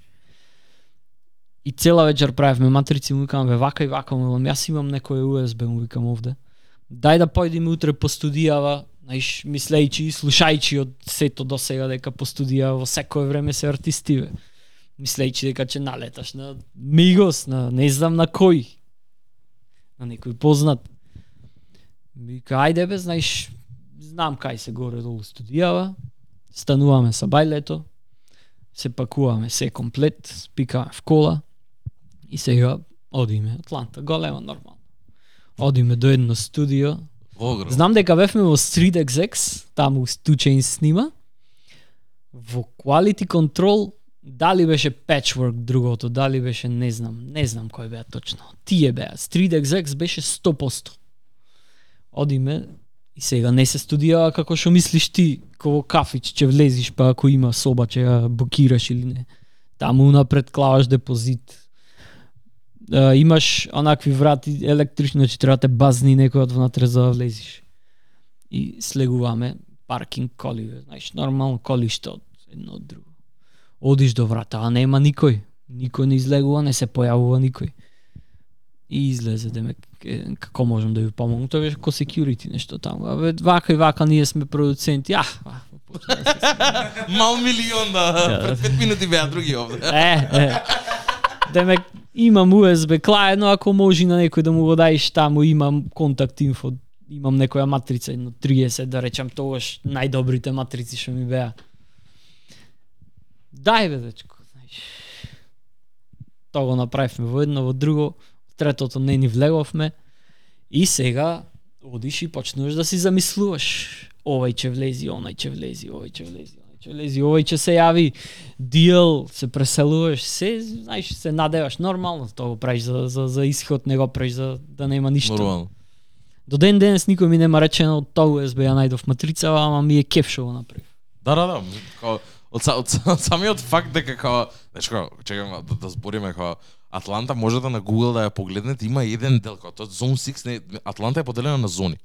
кога на пример кој Чикаго што е поделено на на вакво на блокс, а Атланта е на зони, брат. Тоа тоа се такви округи, окрузи цели. Стефан живе, мој другар исто живе во Атланта. Имаш делови кои што не смееш да влезеш во Атланта, брат. Тоа е- нонсенс ти е кобелец да влезеш во Атланта, брат. Те грабат. кога пресериозен град е. Голем дел од тие студија си на такви места, не се сите на на вакво, така да се Така, Атланта како некако. град е сериозен град, како сакам да кажам како Чуден град. Чуден град Многу е зеленикав, многу е Да, не е таков урбан урбан. Не е класичен урбан, урбан град. Да, да, да. Не е класичен амерички град коцки коцки, тука има има некоја некоја чудна структура. Така да, брат, не знам, тоа ме- мене тоа кога ми го кажа, мислам, мене ми го кажа многу по воздигнено, као, абе, Джој, да ти ја со црнци идел у, по студија, идел висел, у, у трап куки, да. Така беше првиот муавет, али викам, добро, окей, ама самиот факт да го направиш тоа, си кажеш, окей, work and travel сум, сите идат на Егра Фолс ги гледаат, не, не, не, чекај, ја ги идам, USB-ња ќе оставам по студија. Надевајќи се дека тучен избрат. Сега се смеам, не ти си исмеам тебе туку. Не, А, да, тоа да, е да. посветеност бе брат, ако ништо друго ти кажа колку човеков бил посветен да успее, како да ти објаснам, да си да да се да се Да влезе во да тие влезе кругови. да влезе во тој круг брат. Тоа е Имаш една шанса да го направиш тоа, Ед- разбираш, немаш буквално друга. Тоа ќе го веде се. Една шанса ти, не, немаш, немаш, нема Или е Нью Йорк да го видиш ти само Times еден ден Square. беше во Атланта. само еден ден. само еден ден. Тоа е, брат. Или Times Square да го видиш во Нью Йорк или да Пето, идеш, ако знаеш, слетов на- на саботата замина. USB-нце. Јака прича. Брат, тоа- тоа тоа е, тоа, е- затоа ти викам, тоа е посветеност, брат. Тоа е, ја прв пат кога го чув, тоа не не знам од кој кој го чув, не знам кој. Ти сигурно ми го немаш кажано, пошто тебе прв пат те прашав, морав да те прашам дали е вистина за некој ми го имаше кажано, брат, кога да бе Джој таква нешто, брат, викам, пошто е многу али кога Ептена онака аутдер тоа таква нешто да го напише. Ама многу ми е мило дека тоа го имаш направено, пошто и кој што кажа, ти се немаат јавено, ама мило ти е дека го имаш направено тој чекор. Тоа Дефинитивно, да, да. Тоа тоа ти го покажува тоа тој dedication брат на седо тоа. Као тоа е се до сега што збориме е само да се иде напред и напред и се поише и поише да се инфилтрира у музиката брат. За ден денес да, да си ги гледаш the fruits of your labor брат на еден начин. На крајот на денот човекот не доаѓа со плекс, ме разбираш. Штета што не можеше да ги донесе, али тоа е. Ајде следен пат. Следен пат, да. Ама брат, лу, луда ствар као еве, а, може да може да продолжиме хронолошки, после ќе се вратиме и на прашање што имаме и све. Па мислам и дека Ама многу се опфатно е ова се до сега што се кажа. дали дојше првата конекција со Оджи Паркер? Тој тој видеокол. М, да, да, да, да. А, пред да продолжиме, уште еден за мене битен момент и лекција в 2016. А, 2015 имав најдено некако преку ова групава не не сериозно да речем, неофицијална мејл од K-Camp. Значи тој тогаш беше Cut Her Off, број еден од Добро, да, да, имаше огромен хит, да. Значи, не знам како му беше мејло, ама редовно праќав матрици и редовно ги, ги отвараше.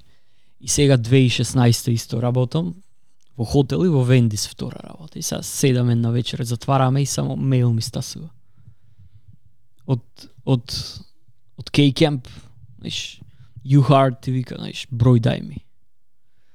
И сега прв пат стапуваш во контакт со артист, артист, значи баш она некој што што има и платформа и се, што има хитови, значи актуелен уште не е burnt out, не е не е во подем, баш во моментот е. Леле, му прајчам број. Дај ми број ти ви ми се. Мислам дека по тој мејл ја му испратив 10 други мејла.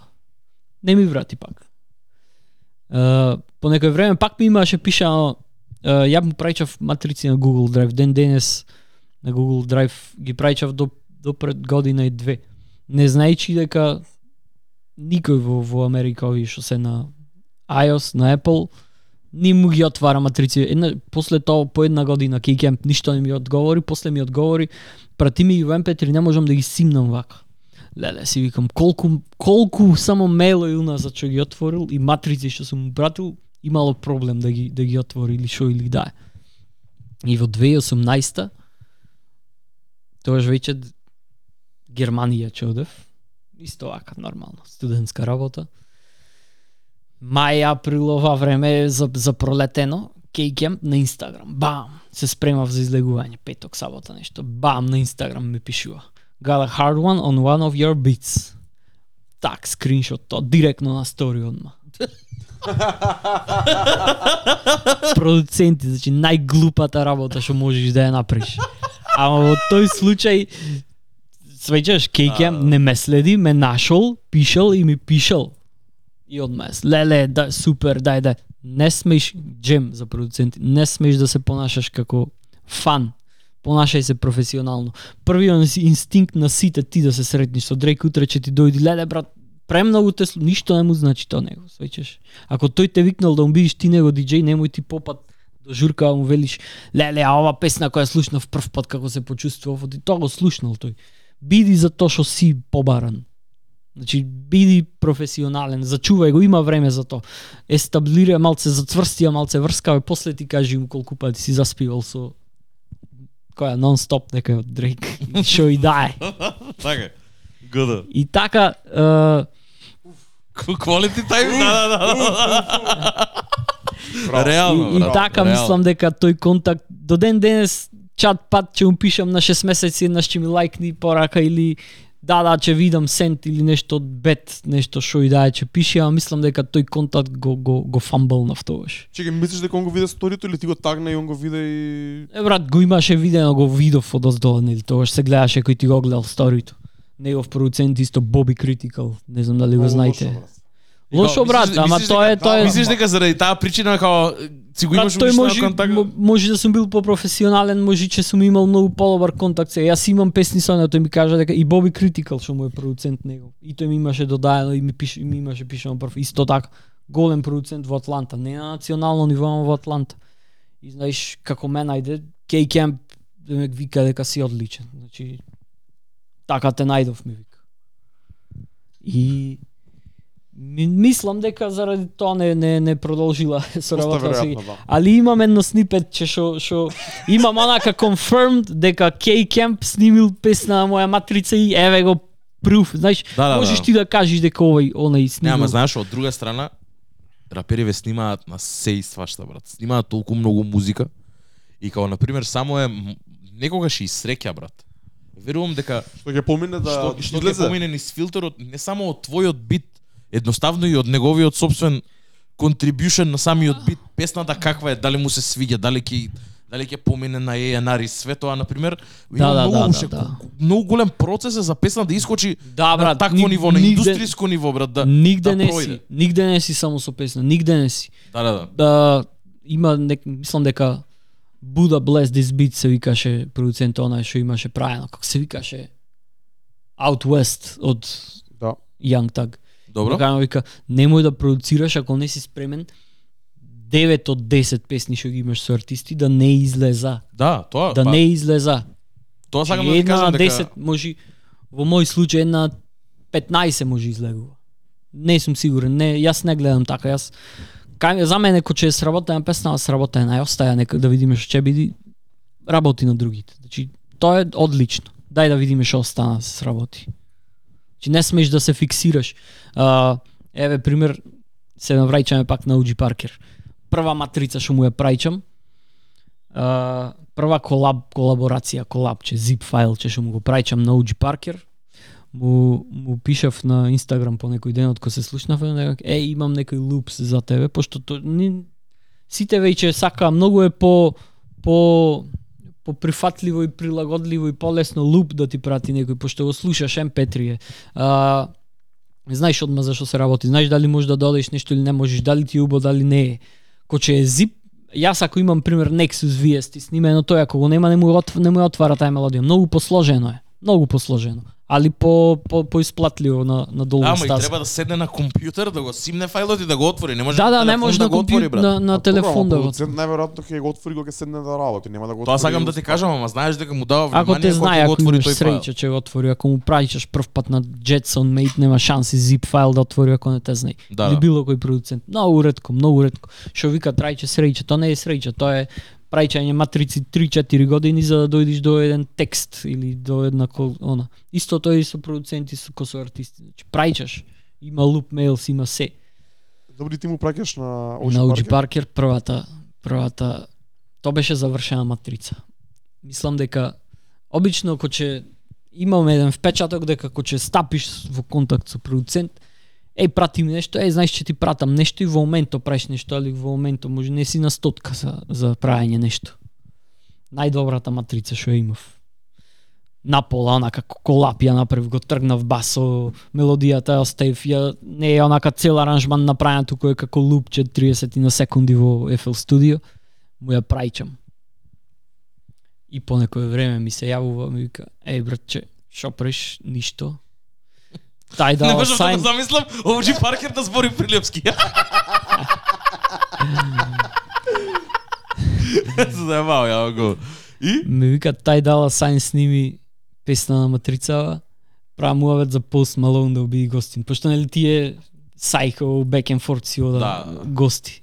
Тај дала сајн спрема албум, Post Malone треба да биде гостин. Што ми кажа, а? Да, шлок. И, и тој е Натали Чипилевски зборуваш.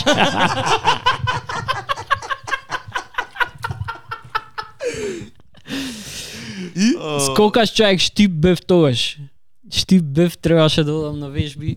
Другиот ден, не знам што да направам човек. да- Тај дала сајн снимил песна, почнува да клава стори на по некој ден човек. ја гледаш песна, постои, страшна песна, Wicked Games се викаше. Ја ликна, ја не излезе никогаш, ама таа песна ми беше многу добра. Не знам дали да речам лекција, али ми даде една насока како уствари се одвива тоа веќе на индустријско ниво. Значи, Hitmaker ја имаше напишана таа песна. Hitmaker го знаете, вали Да, да, го да. имате слушнато. Го- зборевме буквално претходниот пат, да. Hitmaker со оној Pooh Bear, некој songwriter на Justin Bieber му има нешто пишувано. Добро? Тие двајца ја напишале песна, како демо му ја понудиле на тај дала сан и ја снимил. Супер. Одлична прича. Прича, име е Скопскиов не ми оди. ја снимиле матрица, почнува сите да ја да ја промовира човек, тај дала сан се пушта на лайф, ја пушта песна, снипет, че нареден сингл, OG Паркер ми вика сингл, че биди, знаеш, стасува договор, хитмейка, OG Паркер, ваму таму, значи се е официјално, ова сето се случува во недела дена, човек. И си викаш Тебе готово. договор ов- дома? Да, бе, да, да, да. Значи се си сите тие процедури. Знаеш, OG Парк ми имаш менеджер, не добро, не е проблем, не моја ме, значи за човек што не знае никој многу ферски кон мен, значи нема проблем. Моја менеджерка ќе ти заврши работа, адвокат имаш, немам, ќе се снајдиме, не ти треба едно друго рано е, добро. Негова менеджерка ми пиша, со нејзе до ден денес исто Малита се вика. Одлична менеджерка.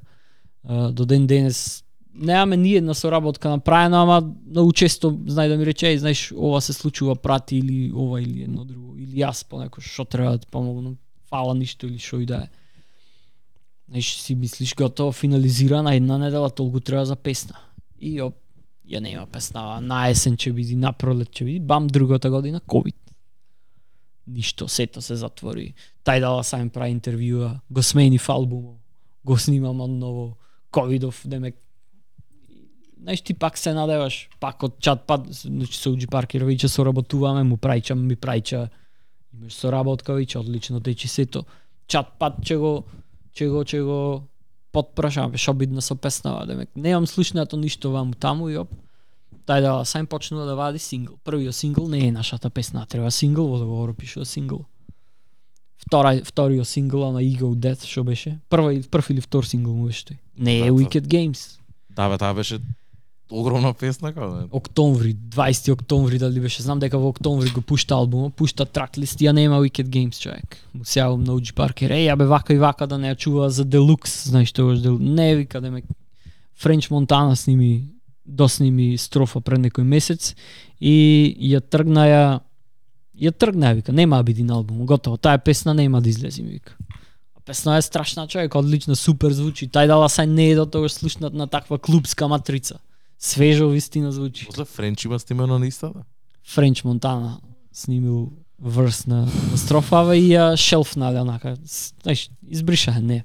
И сега брзо му има вречен Оджи Паркер пошто пошто спрема албум, знаеш. Не се откажав јас од таа песна, човек. Песнава излезе, ја ликна ја.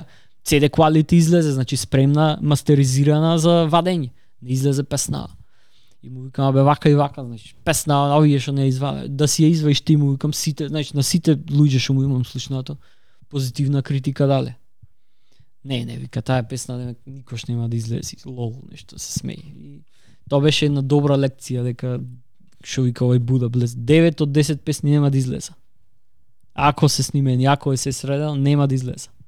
Политика во лейбл, своедно во друго. Хитмейка тогаш беше вајс президент на Atlantic Records, која промовира таа песна. После го има сменето и тоа е тоа. Негова песна нема да биде. Ќе го прашам само на брзина. Ако еве ко продуцент, ако треба да бираш хитбой или хитмейка, кој од од нив двајца? Е, брат. А, пр- Со имаме на тоа што си има Не, десена не, сега предпоследно. знам зашо. Не, нема нема да нема да- нема да се задржуваме на ова, али морам да прашам брат. Го спомна сам не онака. Зна, знам зашто ме прашуваш. Имавме правено муавет со дечки. Имаме групен чат со сите OG Паркер, сите што сме во група. И редовно вакви муабети се прават. Ја уствари реално освен со нив немам со кого да направам некој ваков муабет. Тие ми се прилично свежи. Мислам, не ради левело, ради продуцентскиот Да, да, да, да, што- аспект на работите, Да, да, да, да. а не ради кој што е, како е или не, небитно. А, зато сакав и со вас да, да си да правиме муавет, пошто Нормално. А, Не се ист калибар, брат. Тие не можеш да ги споредиш. Хитмейка е појче A&R, појче текст. Не е ни текстописец. Хитмейка вели ти да рече, пуштиш, ти ќе напишеш песна, ти направи му луп на тој продуцент да клај драмс, нека ти ја прата тебе да напишеш песна за трајче. Разбираш? Да, ама тоа тоа го вели Тоа го прави хитмейка, го клава таго на крајот и конекциите ги користи за да ја, пример, хитмейка има премногу песни со Крис Браун. Со има и тој негов ростер на артисти што не се толку Ерик Белинджер исто. Значи тој што беше познат Да, да, 14 Ерик 15 Белинджер е мега, искрено. И Не знам, никош не би бил мене мега, ама ради што не слушам R&B валјда, ама Да, да, ама Добар, докажа. многу добар. Да, да, исто и докажа. текстописец е И тој, не са, не само не само артист. Зашер има пишувано песни, брат. А Хитбој од друга страна е човеко што има и рапувано. О аудио пуш нели имаше негова Да, и сега рапува. и сега рапува, и сега и сега рапува, не го слушнав. Али е добар продуцент, што знам, јас би го избрал Хитбој, мада пак ќе речам дека ако треба да бирам, мада пак ќе речам дека не се иста категорија тие двајца. Да. Тоа го Колку вели фудбалери со ракометари да да споредуваш. Значи Да. секој во својот домен си има одредена одредени достигнувања. Да, тоа го вели и Хитбој баш у песната дека не е ни не си ни битмейкер, као ти си сосема нешто друго, као ти Чи не, он не е ни битмейкер, зашто го ставате дека е голем, огромен, добар продуцент, као ме разбираш, он тоа го вели, у Хитбој го вели тоа за Хитмейк у Овако Southside од 808 Mafia знаете дека е и рапер. Според мен најдобар продуцент turned rap, rapper. Сега брзо имаше снипетче на Инстаграм и тој ги адресира Хитбој и и овие, значи че има уште нешто ако ја извади таа песна. Ајде, Ќе се развија таа, ќе се развија контрол таа. за продуценти, кој знае што се дешава во тој свет. А се не- збореше за тоа? Се збореше за тоа, на пример, која извади, која е дропнаа песна? Ова Каде? Sleeping into Darkness што извади Хитбој, кај што збори за хитмейка, за Метро Бумин. Како мислиш дали се зборуваш? дали што Каде? збореше, дали продуцентиве збореа за тоа? Зборува брате, и оние продусер spotlight, продусер grind има како Да, медиуми, ама, како вас тоа стига до. Оужи Паркер, на пример, да Како не, да брат, спом- како да не? спомне- Се се се спом се стасува секој брат. Се стасува секој, се стасува секој. Не смеам да откривам дека има и друг добар продуцент напишано Дис за еден од нив. Не смеам. да Кага, кажам не, оке, оке. И ќе ја пуштам после. Show him how it's done, Joey, брат. Crazy, crazy shit. А, ја би се задржал сега, ова е веќе моментот, present day веќе. А, се задржам, тоа не тоа у целата интродукција не спомнавме. А, ти си подпишан или си дел од Neutral Records? Двете. И двете. Што значи дека ти си и signed Да. и endorsed и си дел од Neutral Records. А Neutral Records е продуцентска куќа, можам да кажам, така? Да, на Уджи Паркер. на и- Оджи Паркер, што значи дека дир- директно си инволвиран у, у на еден начин у индустријата и у културата. А, и си единствениот што го знам барем јас лично. А, така да кажи ми Мислам сега глупо прашање, ама зошто баш ти? Зошто мислиш дека као ти беше тој кој што успеа да бидеш дел од ова? Кои се тие ствари кои што на пример ги натера го натерале и Оуджи Паркер да си каже Джо е одличен фит за тимот. Он ќе биде дел од Neutral Records. Што е тоа на пример што мислиш дека као те одделило од сите други? Најмногу што е многу голем, а, многу важно не знам како да ја формулирам реченицава. Ти на пример му веруваш на Даре. Ако Така. Даре ти речи дека дзирни го детево, значи одлично, топ, се најдобро имам да кажам. Одма ќе го слушниш со помислата дека детево е топ, дај да го слушнеме. Мене така Деко ме представи со Оуджи Парк. Значи мене таа соработка со Деко ме представи со Оуджи Паркер и Оуджи Паркер веќе ме знаеше не преку кај него во DMs како било кој туку да ме еј, знаеш, веќе има соработувано, знае Да, дека вреди се да го чуеш човеков. а? Да, да, е баш во тој да, баш во тој исто. Тој коусайн е многу битен. Е баш тоа, cosign, значи јас со cosign стасав, а не дека реално мислам дека сум бил квалитетен и е, човекот тој калибар не не би си дозволил некој што не е квалитетен или уште многу побитно конзистентен. Джабе му сум јас ако му пратам еден колаб месечно или неделно. Ајде нека е месечно. Свичаш? Значи тој мене ме зел прв човек, значи Neutral рекорд се OG Parker и Стефан. Стефан е менаџер во ги менаџира Fallout меѓу кои мене. Добро. Стефан баш со Ф се вика. А, тие се партнери Neutral Records заедно.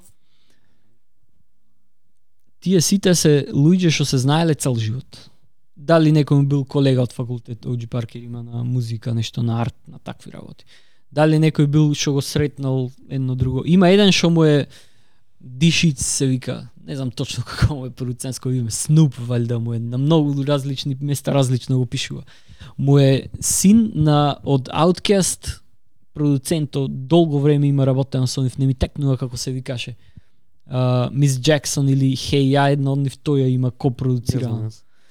Не ги знам, ќе ти изгледа. Луѓе, значи јас влегов во, во, во група кај што луѓе се знаа и се по цел ден, а јас сум на другиот крај на светот, значи нешто се морало да го Како? Они се сите од Атланта? Сите, сега после мене подпиша еден од Чикаго, мислам беше или од Детройт, Детройт можно Така. да беше. А јас ко влегов во нив бев човек што го нема видео ни во живо ни добар дел од луѓе, значи само Соуджи Паркер се знаев. Супер ме примија како за таков, да речем, стварно сум аутсайдер, бев до некое време се, се живееме со сите колаборација имаме, сработуваме редовно си разменуваме идеи, лупс, ваму таму. Мислења, виести, што е ново, што не е ново, сите тие работи. Како иде таа соработка? Каде комуницирате? Како им праќаш? Колку често им праќаш? Што они тебе ти праќаат? А и кажи ни малце behind the scenes како иде тој процес на соработки на креирање музика онлайн. Последни, ајде да да да ја да ја представам прво како ја гледам и како е поголемава слика во музичка индустрија последниве години. Многу наликува на assembly line. Значи бар, баш заради тој излего е и овие денес што ги вика, знаеш, ние пример ги вика, нас не вика битмейкери, сега има лупмейкери. Имате слушнато? Само луп спрај, не прај цели матрици, само мелодии прај И, и на то се фокусира. И по тоа го знае и тому бара него. Зошто? Пошто assembly line во смисла uh, толку е голема, толку е голема побарувачката, толку брзо се испумпува музика. Свесни сте последниве колку години Така. ќе речеме? Пет, нека се од 2018-та. Така не. Ајде од 2018. Цело време излегува некој нов проект, цело време некој нов рекорд е срушен, цело време некој нов артист излегува го снемува, цело време некој вади по два-три проекти нека се шо и да е. И самата самата самото самото то темпо на вадење на музика бара многу многу многу а, матрици, многу многу песни, многу многу текстописци, а тебе креативната енергија ти е ограничена. На секој човек му е. Мене може да ми е ограничена за две матрици дено. Сега јас ако имам ти ми бараш пет матрици за Джастин Бибер за Дон Толивер и за Future, а тој ми побара нешто скрос друго. Ајде некој Brent Fias нека или нешто скрос различен стил. Јас не можам да ве задоволам вас со, со, со матрици во смисла еднаш ќе ти пратам и уште еднаш ќе ти пратам од постарите, во меѓувреме ќе правам нови наредниот пат новите, ама ако ќе се 1 2 3 4 5 такви души и секој ден ти бара матрици, јас почнувам да размислувам. Значи јас толку ми е креативна идеја. Дај да видам тој што има да да да да ја, значи многу е лошо да имаш а, шанса и да не ја искористиш отколку воопшто да не да не дојдиш до шансава. Многу по по поголем греф е според мене, значи да, ти дал некој шанса, ти дал opportunity, ти да да немаш што да што да пратиш или што да сработиш за тоа е многу полошо отколку никогаш да не добиеш шанса да пратиш матрици за Дрейк нека е пример. И сега мене креативна енергија ми се троши, ама ја имам уште 10 души со мене што се заедно. Дајте ми сите лупс за Дрейк нека е. Или матрици, значи многу често се и матрици. Идеи, тракс, значи не, не ако е специфично ќе кажа специфично, ако речат тракс треба пример за OG нека е пример. Прајчаш, прајчаш и сите прајча и сега пример OG Паркер кај нас. Или има исто дру, дру, а, други не толку познати што се исто многу конектирани на други на други насоки. Значи некош тие ќе рече ми треба матрици за тоа или нешто пратете за хитмейка.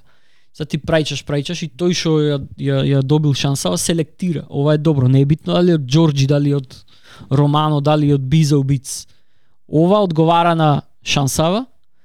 Ние како Neutral Records се трудиме да дајме хит. на маркетот. Да. Јас со тоа што сум го подпишал него, гарантирам дека тој има доволен квалитет за да кој ќе се јави некоја она да прати, знам дека не е за џабе тука, дека не ми зема време само да прајча нешто без веза. И баш заради тоа се појавуваат тие и лупс и едно и друго, малци избегавме муабето. А, значи тоа е тоа, supply and demand. Колку поголем demand, толку поголем supply, толку поиќе се бара, толку се намалува, реално, значи, се намалува квалитетот на музиката. И колку, за да се избегне намалувањето на квалитетот, нема сам да работам, туку на пет души креативната енергија ќе му ја користам. Сите ќе бидеме тим, сите ќе бидеме сложни, пет души има поиќе матрици за еден отколку еден Добри, сега вас. OG Паркер е тој што е CEO, Ама нека така нека кај речи, него нека. стигаат сите работи, така да, Да. него проаѓа. Да, да. Тоа е филтерот на пример за што проаѓа што не. Може да се каже. Пак реков, значи некој последен пат пред некој ден овој би за убици исто добар, значи на, на Роди Рич многу песни му има продуцирано. На Lil Durk многу песни му има продуцирано. И тој пример OG Паркер нема со Роди Рич а, песна ни онакво. Ама Бизо што е со нас е директно поврзан со Роди Рич и со неговиот ENR, значи може до Роди Рич да сасем преку него, кој ќе треба да се прати за него, сите матрици се праќаат кај него и тој го филтрира нештото. Ќе прати 5, ќе прати Да, 10, кој ги има 15. најдобрите контакти за да стигне до таму, тој. Да, да, Да, да. Добро, и каде и како ги праќате сега? Ти што праќаш на пример? Мейл нека е завршена матрица да речеме, сваќаш. Добро. И ти ме прегаш на Бизо Бици, Бизо Бици ако мисли дека одговара за новиот проект на Роди Рич, што му го побар, што му барале него, Да. он ја Ја препраќа праќа, ова е, да. ова е наше, ова е на, на Neutral Records или он, он се представува ова е моја со мојата екипа или Не е битно до крајот, на крајот ќе дојде, битно е да е добро. На крајот ќе се кредитира тој што е тој што е сработил. Значи не е битно дали јас сум ја направил или некој, ќе биде кредитиран, ќе биде се како што треба. Добро, а како дали има процес кај што вие креирате заедно во исто време музика? Тие да јас не. Добро. Зашо нема Zoom сесии и све тоа на пример? Има зум сесии, ама тие се секој ден заедно во студија различни. Добро. Пишуваа пример на групниот чат. Еј, јас денес имам во 7 сесија во то студио, кој може нека дојди. И се збира од 10 души, пет ќе може да појде. Добре, како оди тоа? Како он, он зима сесија исто како да е артист во одредено студио? Да бе, да, некогаш може сесијата да е со артист. Во последно време сигурно имате видено, значи оние production camp или writing camp или Да. само camp пишано Да, да, да. Ill Mind имаше направено сега брзо. Се лани такво нешто направив ломнани 2000 2021 јас не успеав да појдам во Америка, ама се приклучив на Zoom. Значи сите од Neutral Records земено студио изнајмено три дена со текстописци доста познати да речиме. Ги викаш три соби, соба А, соба Б, соба С. По четворица во секоја соба и по два текстописци. И само се пумпаа песни. 53 песни во три во три дена направивме. Готови песни што може да се понуда со текст, со се. И тоа на пример после тоа иде се даваат као reference tracks Да, за да, артисти да. други за да ги купат Да, или да, за да. да се извадат од самите артисти кои што ги имаат напишано. Кој ќе се кој ќе е кемп исклучиво за референс тракс се работи. Така. Измиксана колку да звучи солидно. Примамливо звуко чисто за да се знае Да. кон што се цели. Да не биде онак баш класично несредено демо. Се понуду. А, има некои песни што се само рефрен напишан и да те инспирира да Господ, да си ја напишеш строф. спомна, така? да. Да, го знам Илмаинт.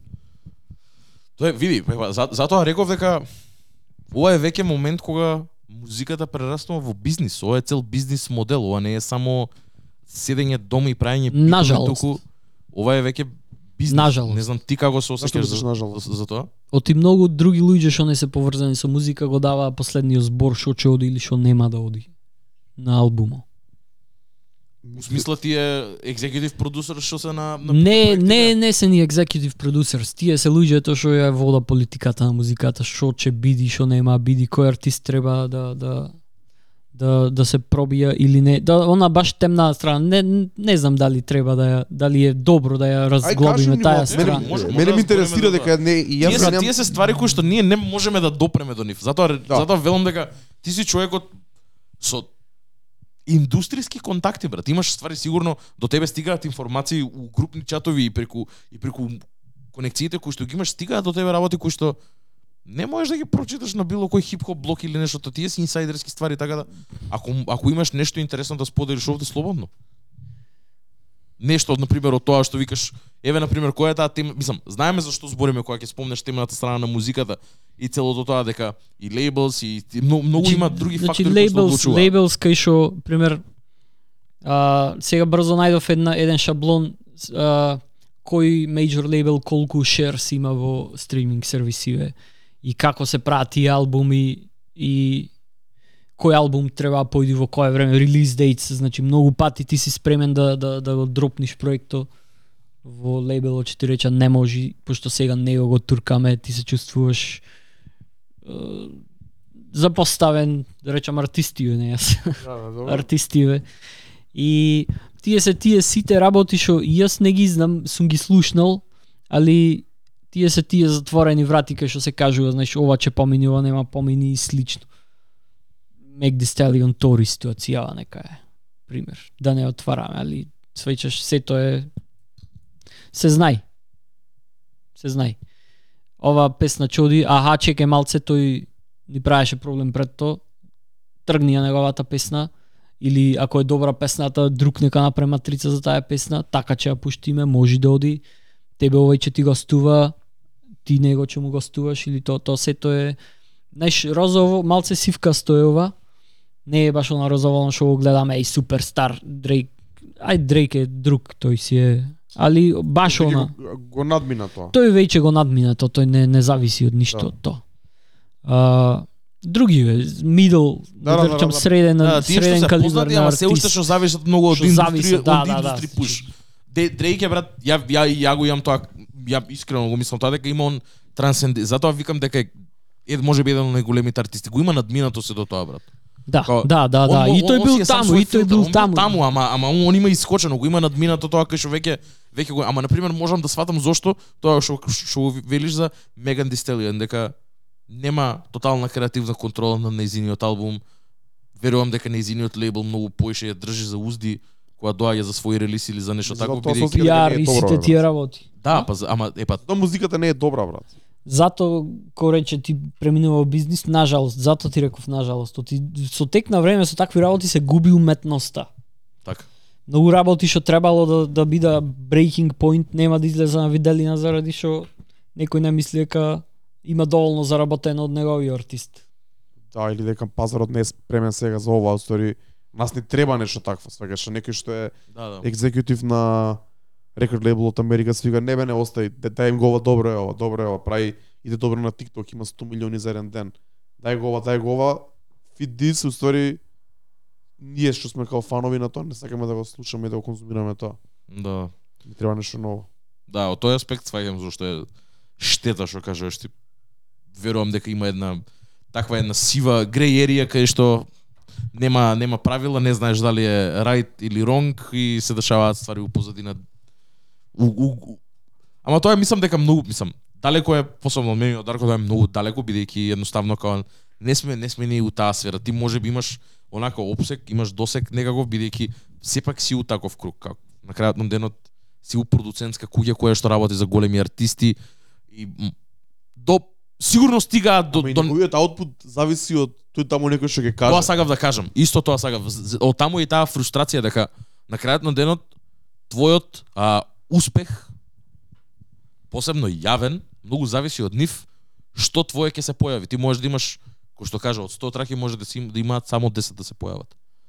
Тоа се 90 пласмани кои што потенцијално не прошле заради нечиви други раци и заради нечива друга креативна контрола. И тука се гледа дали си а, ајде да речам дебелокожец. Значи дали ќе продолжиш и покрај сите тие разочарувања, нека се да ги рачиме. Значи, мора Себе да- брат, ја ја би рекол дека дали се ќе продолжиш е да, да, да работиш? Дали ќе продолжиш, дали стварно ти е пасија, дали стварно ќе станиш утре без разлика, дали ти ја тргнале песната или не, или не знаеш кога ќе биде наредната, дали пак ќе станиш и ќе сработиш матрици, ќе Да, да. ќе компонираш, ајде не сработиш, ќе направиш нешто ново, нешто Веќе forward thinking, нешто интересно. Значи, битно е да е интересно. Како се справуваш ти со тоа? Не знам. Не знам, брат. Тоа ми е следното прашање на Како се справувам со шо по-конкретно? Со... Епа, не, не, епа со, со не, со тоа дека а, верувам дека на пример посебно посебно и сега во овој момент кај што си толку години кога од кога го од кога го правиш ова. Сигурно на пример на дневна база се дешава да праќаш мејлови, да праќате матрици Секако, секако, лейбл, секако. така? Зашто тоа значи дека се потенцијалните колаборации со артисти се безбројни, така? Да. Колку да, од нив на пример ете си се, се кога ќе се кога нема да освр као за справуваш со тоа дали го зимаш онака како при срце ствара некаква фрустрација, нервоза или или едноставно си викаш како ова е дел од играта. Идеме појако следен пат. Ти знаеш дека на крајот на денот си го направил тоа што требало. Си стигнал до одреден момент, трага да било од, од одобрена од некого, знаеш дека има снимено вокали, имаш имаш чуено некоја верзија која што ти звучи тебе добро.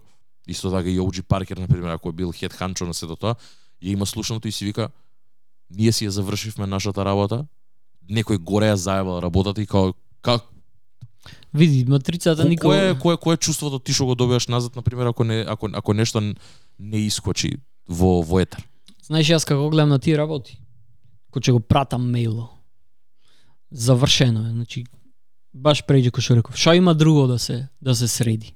Значи, мали чекори напред, не, не мислиш воопшто, не, не дозволуваш да те оптерети таква ситуација. Нормално дека исчекуваш и ти е кеф, дали макар и снипет ќе да се појави да слушниш артистов на твоја матрица и се. Ама, како, колку поиќе работиш, сваќаш дека а, шансите се или помали да слушниш, пошто веќе Two Chainz, пример, ако снимил песна, ако си слушнал во януари, чи или дека како што оди време во прв, прв инстинкт, а помина многу време, ништо не бин. Ама знаете како се пуштаа музика, пример Two Chainz може да пушти песни снимен, пример артистов може да пушти песни лани што му се спремани заради тие лейбл а, календари и слично. Да, да, да. Значи, не смееш да дозволиш да те преоптерети таа ситуација во смисла да, да, да се фиксираш само за тоа да размислуваш. Не, ти штети. Ти штети, не, не, не си креативен, не си не се фокусираш на другово што дошло во меѓувреме. Добро, а дали а, ти си платен и подмирен за песната иако не е извадена или откако Не, се извади? не, не. Тогаш Не, не, не, матрицата ти останува. како мислиш? Ако некој сака да ја да ја да речеме Wicked Games, Добро. не излезе никош песна, песна пак ние ја распрајча м, матрица пак ја распрајчаме кон други артисти. Значи ако излези песна е е тогаш е да речам локната. да Тогаш тогаш почнува и тие се многу многу а, долги работи административните не се бавам јас со тоа воопшто. Долги работи се, али не мора да значи. Значи ако не излезе песна, ти пак песна ај кај мене кај те в телефон, значи продолжуваш да ја праќаш и Добро, тоа е. и што се случува после ако ти овој дала сен сака да извади после 2-3 години, ти имаш пратено веќе на друго место и тој сака да ја вади пример некаде на Балканот или некаде во Европа или па дури некој поголем и- име како Дрейк или Не на не може. А и артисто нема ни да сака. Значи многу ретко артист сака да сите сакаа нешто што а, се смееме само тие што го слушнале. И да имаш ти матрица направено само тој да ја има слушнато. Значи премногу во, на тој степен премногу ексклузивитет се се јас мое мислење искрено е дека заради што лик на песната во мај околу мај негде, јас сум сигурен дека заради тоа е тргната, пошто луѓе сака особено тие да е скрос она ексклузивно да да не се знае ништо. Знаете за лик песни, ретко излегува, некогаш излегува преработени како и да е. Да, Значи, да, точно, управо си. Тие артисти тој калибар бара ексклузивитет, значи ексклузивно да е. Само он да има присуство, Само- тоа, да, само го знае тој- да нешто ново, да го нема свежо. едноставно по широката јавност да го нема. Тој пак да речеме седни со Post Malone. Еве што работам, знаеш за да се створи вајбово студио сесија. Еве на што работам, на нек некој може му рече, знаеш, одлична строфа, можам да ти гостувам на ова, како и да е. Али по широката јавност, конзументите да не да ја нема слуш, да да се нема слушнат. Точно, точно. А, а на пример, во поглед на workflow. Каков ти е тебе на пример еден ден ко продуцент во овој не зборам за порано, туку на пример сега во, во, во оваа доба твоја на пример, каков как, како ти е еден ден а, дали имаш некое одредено работно време или едноставно ако мислам дали ти сам си одредуваш некое работно време бидејќи ете работиш за друга вре- временска зона како иде сето тоа, која е динамиката на пример заедно у, у, у таква продуцентска куќа и што што налага тоа.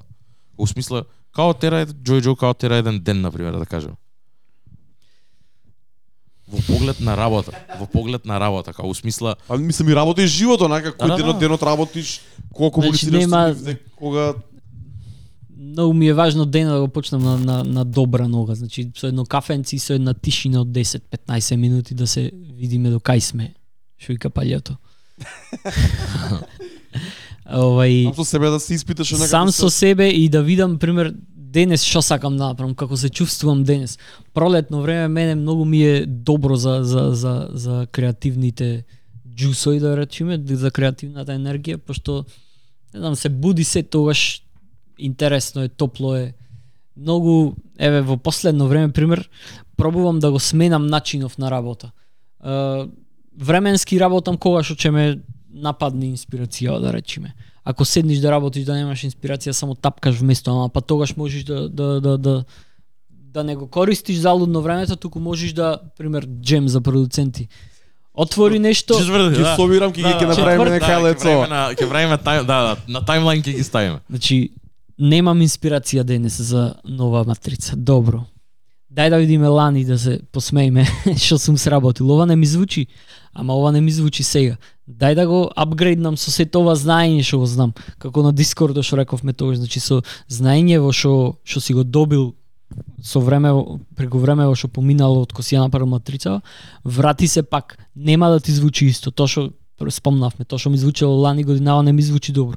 Ама не значи дека ако идејата е добра, не може пак да се искористи, не може да се клад драмс што се сега актуелни. Не може да се смени некоја мелодија. Некогаш мелодијата ќе биде одлична, драмс не чина. Земаш само мелодија и правиш пример акустични тапани или шо и да е, менуваш нешто, значи Или афроритам или Да, да, да, ако ќе немаш креативност, креативност Фарел има речено дека само не си инспириран. Најди си нешто кое што ќе те инспирира. Дали за тоа некој ќе биде да преслушаш нешто ново.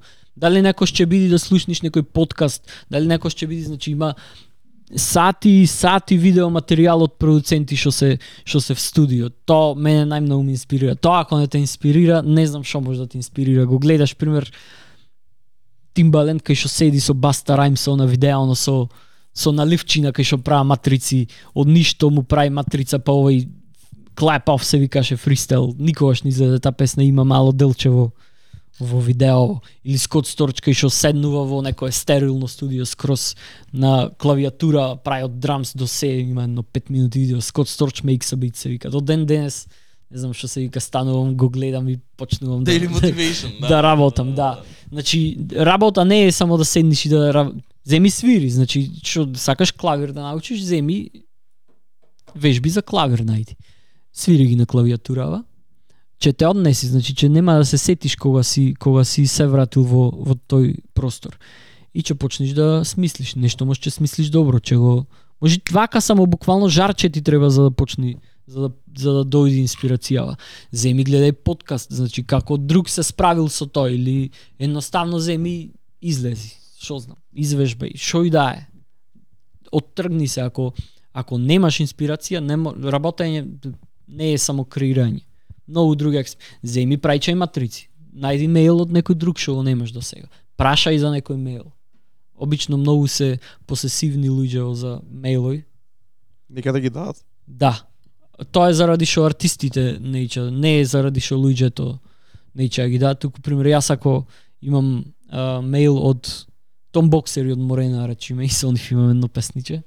Добро. Да, да, да, ја тоа ќе го прашам тоа, да има, да, да, да, да. Затоа рековме international, дека има и други ствари, не е само за Америка. Значи, Том Боксер ми го дал мене во поверење, да речиме, и нагласил те молам нека остане, свечеш, пото контакто, јас и ти не е контакто, јас ти и цела улица моја, свечеш, и тебе ќе те изгњави да ти го преплави некој мејло. Точно. Да, Точно. И, инаку тоа беше многу лудо.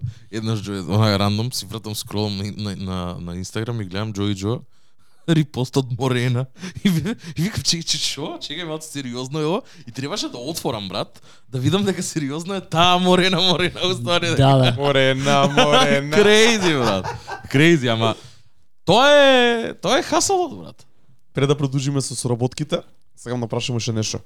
Што користиш као софтвер, што користиш као Ја. хардвер Како иде тоа, дали сите од екипата користите исти ствари за да биде а, компатибилно или секој се работи посебно па после ги прага? Сите ги знаеме, да речам преку сите продуценти, сите сфери се едно 10 добри VST инструменти што се користат. Omnisphere, Contact, Nexus, Electra нека е, значи тоа не е тајна. Тоа Барем во денешно време, staple да, да, да. VST, значи тоа се Значи, инструмент, она... То, тој бас што го имам искористено во песна од Морена, го има искористено Metro Boomin во Skyfall. Значи истиот. Нема нема во денешно време баш за тие софт инструменти што ги вела нема тајна. Секој може и секој битно е како ќе го искористиш, како ќе го процесираш. То како ќе го искористиш. Тоа е најважното. Значи дали ќе го е, таму е искористиш креативата Да, уствари. не... исто како што го искористил тој кај што си го Така. видел дека го користи или ти некој свој твист ќе му даиш. Добро, а кој кој софтвер го користиш брат? FL Studio, цел живот сум на Значи- FL Studio. Многу подценета програма, посебно од старата гарда на, на продуценти. Абе, тоа е играчка, тоа е едно друго. Вистина, кој излезе, Fruity Loops се викаше, може било играчка. Така. Моментално е многу моćна програма. Лани беше најпозната, најпознат DAW софтвер, значи Digital Audio Workstation софтвер. Мгм. И мислам дека стварно како под турната да стане најпопуларна, мора да има нешто.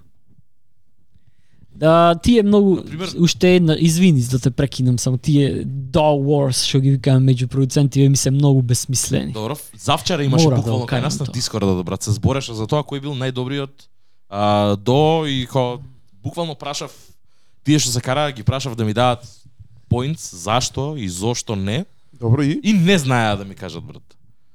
Нема поента, брат. дека Metro Booming користел FL Studio. Тоа беше една од причините зашто FL Studio бил најдобар. Као реков, не, не е тоа добра причина, не ми е доволно добра причина. Јаката страна на FL Studio е што има нај, нај, најкраток пат од мозокот до ушите, значи тоа што го мислиш, али пак ќе ти речам, безсмислено е пошто некој што работи Ableton цел живот или Pro Tools цел живот, Така? Си има workflow кај што ќе го направи тоа исто брзо колку што би го направил јас на FL Studio. Значи безсмислено е секој секој а, секој аргумент што би го дале освен за миксање, мислам дека е безсмислен. За миксање вистина е дека Cubase и Pro Tools стварно се многу помоćни engines отколку FL Studio. Значи тука тоа е тоа. Тоа сега те прашам, дали целата песна се прави на FL Studio или само матрицата се прави на FL Studio, па после се префрлува во нешто друго, па се снима вокалот на трето место и се тоа се спојува на Cubase или на Pro Tools. најдобар пат, нај Ајде да не речеме правилен, пошто не е правило, али нај најефикасен пат да Добро. дојдеш до квалитетен продукт е без разлика дали на FL Studio, на Ableton, на Logic, ќе ја направиш така, матрицава, да. Праќаш канали, артистот му ги дава на инженеро, то сето се клава канал по канал во Еве нека е Pro Tools или Cubase. Cubase во Европа се користи, Pro Tools во, во Добро? во Америка се користи. Таа е поделбава, иначе тука се исти се тие. А, го клава тука, тука се снима, тука се микса, тука се мастеризира и излегува Wave MP3 што и да е. Добро, значи Тоа беше тоа дека не мора да се користи една иста програма за да се стигне до финалниот продукт кој едноставно може да се префрлува. Добро, дали целова екипа од Neutral Records работат на FL Studio? освен еден двајца што користи Ableton, сите се FL Како оди тоа они кога ќе пратат таков zip? Или ти Нема патнат zip, нема zip, ќе ти го прати како stems, како канали. систем, да. Значи, И ти си го Че- ставаш во FL Studio по канали и си го Да, во да. А, моментално правам соработки со еден продуцент, Майк Фри се вика продуцентов. Значи десна рака на Mustard, се што има Mustard сработено. Овој уствари го почнал мелодии, оние баш сите од 2014-15 што што му се најпознати од Rack City до да, добро. Show Me, ги има тој направено. Тој пример работи на директно на Pro Tools. Снима со аналогни синтезайзери. Кој ми ги прати, тој ми ги праќа а, тој ми ги праќа како wave фајлови. Значи не можам да ги сменам. Ако нешто не ме бендисува, го пресвирувам јас истото со печ од инструмент што ја мислам дека звучи подобро отколку Така. оригинално ово што ми е пратено. Интересно. Не, тоа Мора е... да најдеш начин. едноставно. Да, да, да, мора тоа тоа брат, тоа ја можам на пример да го и, и ќе го ќе го ќе го споредам со архитектура. Внат кога кога работиш 3D брат. Има мал милион 3D програми, мал милион рендер engines кои што се компатибилни. начинот на работа е многу различен. Финалниот продукт е ист, брат. Точка MP3 е, тука е точка JPG и ти искачаш Да, слика да. на крај. Као ќе го направиш, е само уствари ти као ќе ги искористиш јаките и послабите страни на тоа што ти е даено и тоа што ти е тебе ко оружје. Алатка е уствари, се е алатка, брат. Се е алатка и начинот на фактички не е битен софтверот битен е workflow твој. Кој што кажа Джоим, ја ја го имам видено глуми како прави бит минута и половина снима на Ableton Live, брат. Дека он све свири лайв. Нема чепнато ефел уживот, брат. Али него му е тоа јака страна, знае да свири лайв сет да направи, да продуцира музика у лайв и да го сниме се тоа, да прави прогреси и све тоа транзиции да прави. Ефел студио го нема тој ист workflow бидејќи него него има чеп, него тоа му е јака страна. Не можеш да го дискредитираш бидејќи го гледаш он тоа што го прави. Од друга страна, не можам да кажам дека FL Studio е лош бидејќи го гледам Joy, го гледам Flex на пример кај нас и гледам Metro Boomin. сите сите Метро Бумин исто неголемиот. С- Ме разбираш дека као и они го прават тоа. И као можеш да дискредитираш и као можеш да кажеш дека е нешто боле или не. Едноставно на крајот на денот е workflow. Се додека има некаква Финалниот продукт е битен, ништо друго. Да, Значи како ќе стасаш ти до ајде до водно, дали со точак, дали со кола, дали со. Ако треба да стасаш и си стасал, тоа е тоа. Да, а means to an end, дефинитивно. Тоа е. А, а на пример од од опрема, у смисла дали користиш дали користиш клавиатури, дали користиш нешто од тоа Семплери. што што од тоа на пример, дали ко хардвер имаш нешто кое што на пример си викаш, окей, ова мене ми е стейпл. Не, се што користам е MIDI. Ми, Значи се што користам сега за сега е MIDI. А, имам размислувано да влезам во тие хардвер води, аналогни води.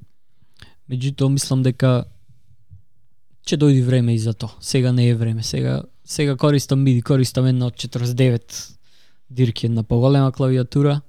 Имам едно помало за тука да пробам печов како звучи.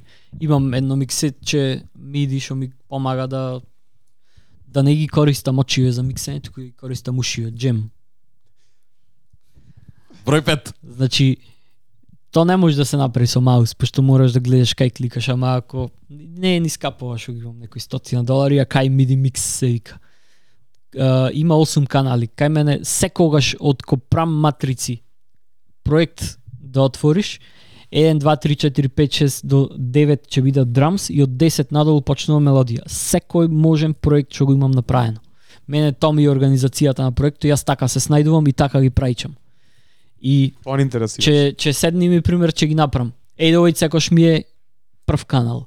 Клеп втор канал, снер трет канал, четврт ми е перкусија, петти е hi-hat, шести е hat, седми е кик, малце чудно зошто не се кик и 808 едно до друго, али тоа е заради што имам пробано да го сменам еден два да ми бида кик, ама толку многу сум навикнат да, да ми бида ки, uh, 808 и клеп едно до друго што ова го оставив за ваму. 8 е некоја друга, дали ќе биде secondary hi-hat, дали ќе биде некоја друга перкусија, 9 е креш и веќе она креш цс, баш чинелите. И тоа е веќе како границата од 10 почнува, дали е луп, дали е мелодија и натаму. И сега седнувам, MIDI микс пред мене, а, Точно знаеш што ти треба, знаеш на Точно кој знам канал. што ми да. треба. Овде ми е два монитори имам, напред ми е плейлистава, десно на лаптопот ми е миксета. Сега с неја ни гледам миксета, пошто ова налог MIDI микс контролеров ми е пред мене и почнувам само да ги појачувам сите и најдувам sweet spot кој не сме да преовладува ни едно, кој дали е се на место.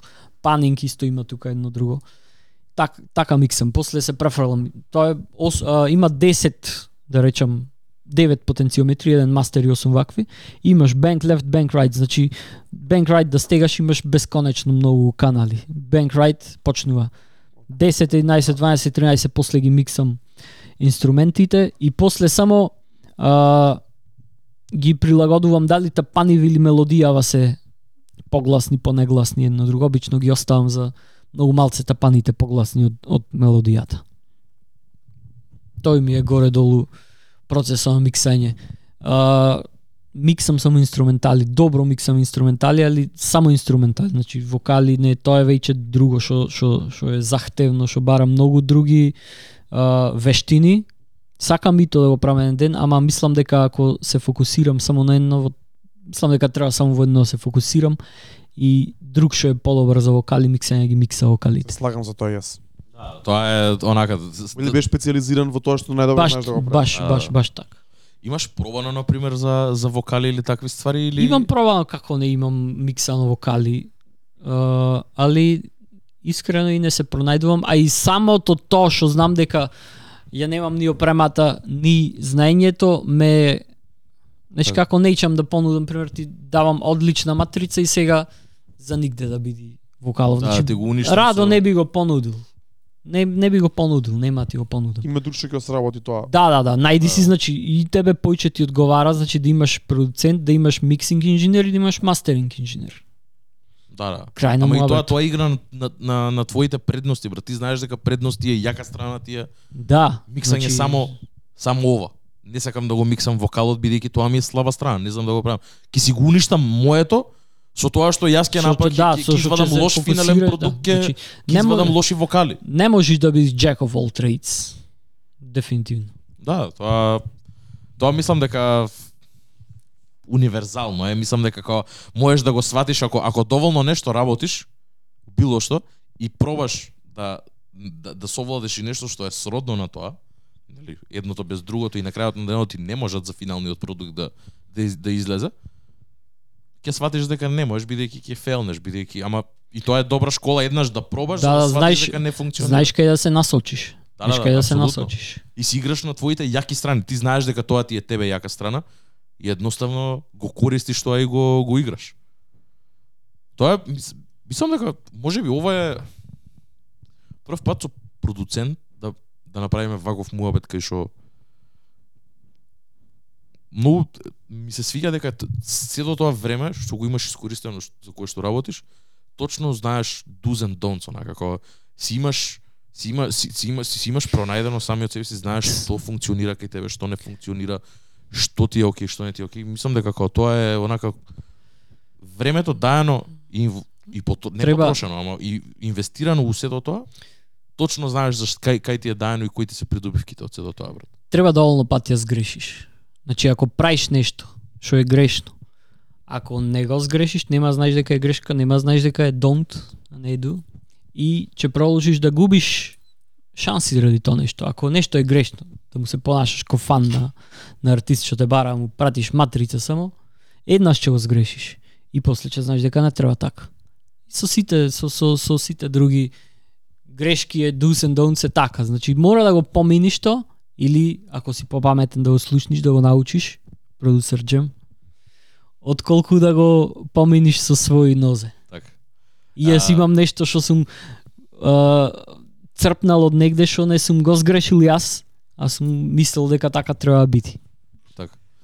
Јас сакам да те прашам, ќе се задржам уште малце на, на Нучо Рекордс, бидејќи еве на пример кој што кажа така ден на пример правиш бит матрица. А како знаеш кај припаѓа и ко, кому и кога во кој момент треба да ја пратиш? Дали има на пример креативна кон, не контрола, ама консултација у смисла или критички критицизам онака каде што а, фидбек, еј, ова го направив, чујте го, кажете ми што мислите, вака и вака го осеќам и на пример, ова имаш раунд тука се собираат луѓе, еј ова е добро, ова ми се свиѓа, ова треба да смениш. Као и да тоа, на пример, дали дали така таков фидбек си давате меѓу себе, дали си играте и вие онака со на еден начин си помагате со еден, еден со друг као продуценти за дали нешто уште пред да биде пласирано кон некому, тука едноставно кога имаш која идеја, дали можеш да го пратиш таму и тоа или некој да продолжи, некој да земе да си игра со него или ти да го завршиш па да ти кажеш што како мислиш. Како функционира се до тоа? Баш така како што го пиша. Да. Цело време значи, Значи, значи ако јас имам, што- ако јас имам некоја матрица што мислам дека е поинаква или не сум сигурен кој би лежел добро. Значи прати, е што мислите кај може ова да појди. Кој би лежел добро на ова, кој би залепил добро. А, многу пати пример Уџи Паркер вади синглови сега. Што мислите за каверов? Ќе прати 3-4 кавери. Гласајте кој кавер ви е најдобар, свеќаш. Некош ќе го одбери тој што ќе го одбериме сите, некош си има зацртано нешто негово. А, да, имаме, значи Така. имаме фидбек во смисла го- за тоа го користиме чата уствари за дајте видете или многу пати ќе пратиме или нешто знаеш ова еве го гледам го користа како се користи да не го има некој или што и да е Значи баш така. Топ, не, види, тоа е тоа е многу добро. Не знам дали во Македонија постои нешто такво искрено. Не знам дали постои група на продуценти кои што функционираат така, посебно не со свое студио и може би има продуцентски куки, ама продуцентските куки се најчесто артисти, па продуцентите доаѓаат као секундарни, али ова овде продуценти се at, at the forefront, дека е продуцентска куќа во самиот збор. Имате артисти кои што се дел од New Show. Records? Имаме. Да. Има Као се они, они се као се они наоѓаат на пример а, во во целата таа дружина, дали преубо. Ти да си артист и да имаш 10 продуценти што секој ден Тоа ти сакам да матрици. како па да, како ќе се чувствуваш, како да имаш избор ќе се чувствуваш. Значи сите горе долу имаме некој свој стил на на матрици. И што сакаш можеш да добиеш или да експериментираш или да пробаш. А, артистка се вика Имани од Лондоне, лани изваде една песна, Cash Page беше гостин на ремикс. Емани со Y, Со Емани. И. Имани.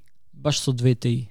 Кеш Пејчи ја знам добро. Позната е во Лондон, пробува пробува пробуваме да ја пробува да ја зема и во Америка и тоа е тоа. Значи со неј заработиме R&B, таа снима и од тука мене ја слани цело време, ќе ми рече пример Стефан менаџеров. Има ни оди в студио, прати матрици како за пример. И сега како за неј, јас знам дека R&B нешто така женски матрици. Немам јас такви, немам долан. Трајче матрит. да.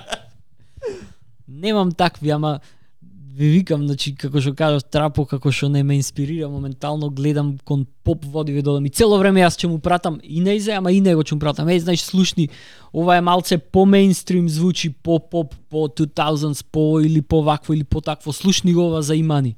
И има фидбек. Првиот пат пример кој пратив така, знаеш, добро е, одлична е насока, ама трицава не чини. Ја мислев дека е одлична, значи уште се случува. Да, може да е одлична во ушите на некој друг за некој друг артист, ама во конкретниот случај за тоа што се бара за артисто не чини. Да, и на пример Значи, во многу е момент субјективно дали ти- чини или да, да, не да, чини нешто. апсолутно, апсолутно, посебно во посебно нешто кое кое кое е дизајнирано, кое е креирано. А, и на пример тоа што приш, као се враќаш назад, три Да, да. чекори назад, ја преправаш нешто, правиш чепкаш нешто- или пра- праќаш не, нешто ново не, скроз. Не, не, не. Ако треба Што се нешто дешава да на пример со таа матрица? Останува после за некаде за Останува, друго значи ако ти речи се е супер освен ова, смени го ова, го менуваш, тој го праќаш. Ако ти речи не чини, тоа е тоа. Дали ќе ја сработам пак по една година, дали ќе ги искористам само драмс за некоја друга матрица, дали мелодијата ќе ја пратам како колаборација кај, кај некој како луп или zip файл, можностите се никој не ти ограничува што да направиш. А го спом, го спомна надвор печатот, го спомни тука на почеток и сега збориш збориш ист- исто така дека секој продуцент од вашата екипа има свој стил и е познат по нешто. Како би го опишал твојот звук и твојот печат? Што е прави еден бит или еден стил на музика да биде продуциран од Джојджо? Јас мислам дека аранжмано кај мене е тоа што ме тоа што ме опишува најмногу во моментот. Пошто јас можам да направам матрица што звучи како Скот Сторч, можам да направам матрица што звучи како нешто за Ед Ширан, можам да направам матрица како нешто што би звучало за Малума, оригинал. Мислам дека аранжмано кај сите тричи има некои сличности. Не во смисла 8 бар интро па 16 строфа па при корус па корус. Туку како а, како најмалце поетски да се да се изразам. Тоа ги расчизвам. Како мелодијата и и и драмс играат танго меѓусебно. Какви покетс користиш? А, кој е нагласоко на ова? Дали е некое вокалче, дали е не, не, не знам аранжмано би рекол дека ми е јака страна која што во последно време тоа го сватив, многу ме интересира и пробав да најдам некоја литература за аранжман, ама се плашам дека само може да ме форматира. Мислам ако ја земам здраво за готово, пошто знаеш, не е ни добро да имаш еден шаблон. Шаблон многу те ограничува. И немање исто така еве да продолжам. И немање шаблон може да те ограничи. До пред година и пол не знаев како да почнам матрица, да речеме коче сум на фул креативност, освен бел лист хартија, значи на FL Studio нов проект бланк, ништо нема. Нема никаков семпл, нема никаков драм, нема никаков ефект. Почнувам да барам, почнувам да најдувам, дали ќе биде пијано, дали ќе биде некој добар звук што ме бендисува. Па тој звук ако биде интересен за некоја weird мелодија како за Slump да, овој како се викаше, Ski Mask за Slump God, Добро. ќе биде таква матрица. Ако биде пијано и ако биде некоја корд прогрес, прогресија, може ќе биде нешто како за нормани да речеме. Значи том е, и некако тоа знај да биде многу презаситувачко, многу overwhelming пошто ние како продуценти сите верувам што што ќе го слушне ова сите цело време секој ден бараа некој нов виест што никој го нема искористено и некој нов драм кит што никој го нема користено, не постои таков. Сам постои, ама не е то, не е то целта. Колку појче алатки имаш, толку појче не знаеш кај да се свртиш. И почнав некако последнава година, година и пол да се ограничувам. Седнувам, бел лист хартија. 150 темпо, C minor, регетон матрица. Че 150 не може да биде регетон, 90 може да биде регетон, ама ме разбираш. Значи, Да, си барем да- некој, си барем задаваш некакви Да, барем поточки, некој, да. барем некој насоки си ограничувам. Браво, не сме да, да. да биде тоа или чеклам random drum sounds. Што можам да направам од овие drum sounds? Ритам, па од ритамо да да изградам мелодија или што и да. Така кога ќе почнам само со drum sounds, обично излегува нешто како Timbaland на крај оние weird матрици. И така, значи со поставување на некои ограничувања си ја стимулирам креативноста. Браво, одлично. Trial, trial and error, брат. Trial Trial and error, error. дефинитивно. Треба точ- точно сме на 2 сати.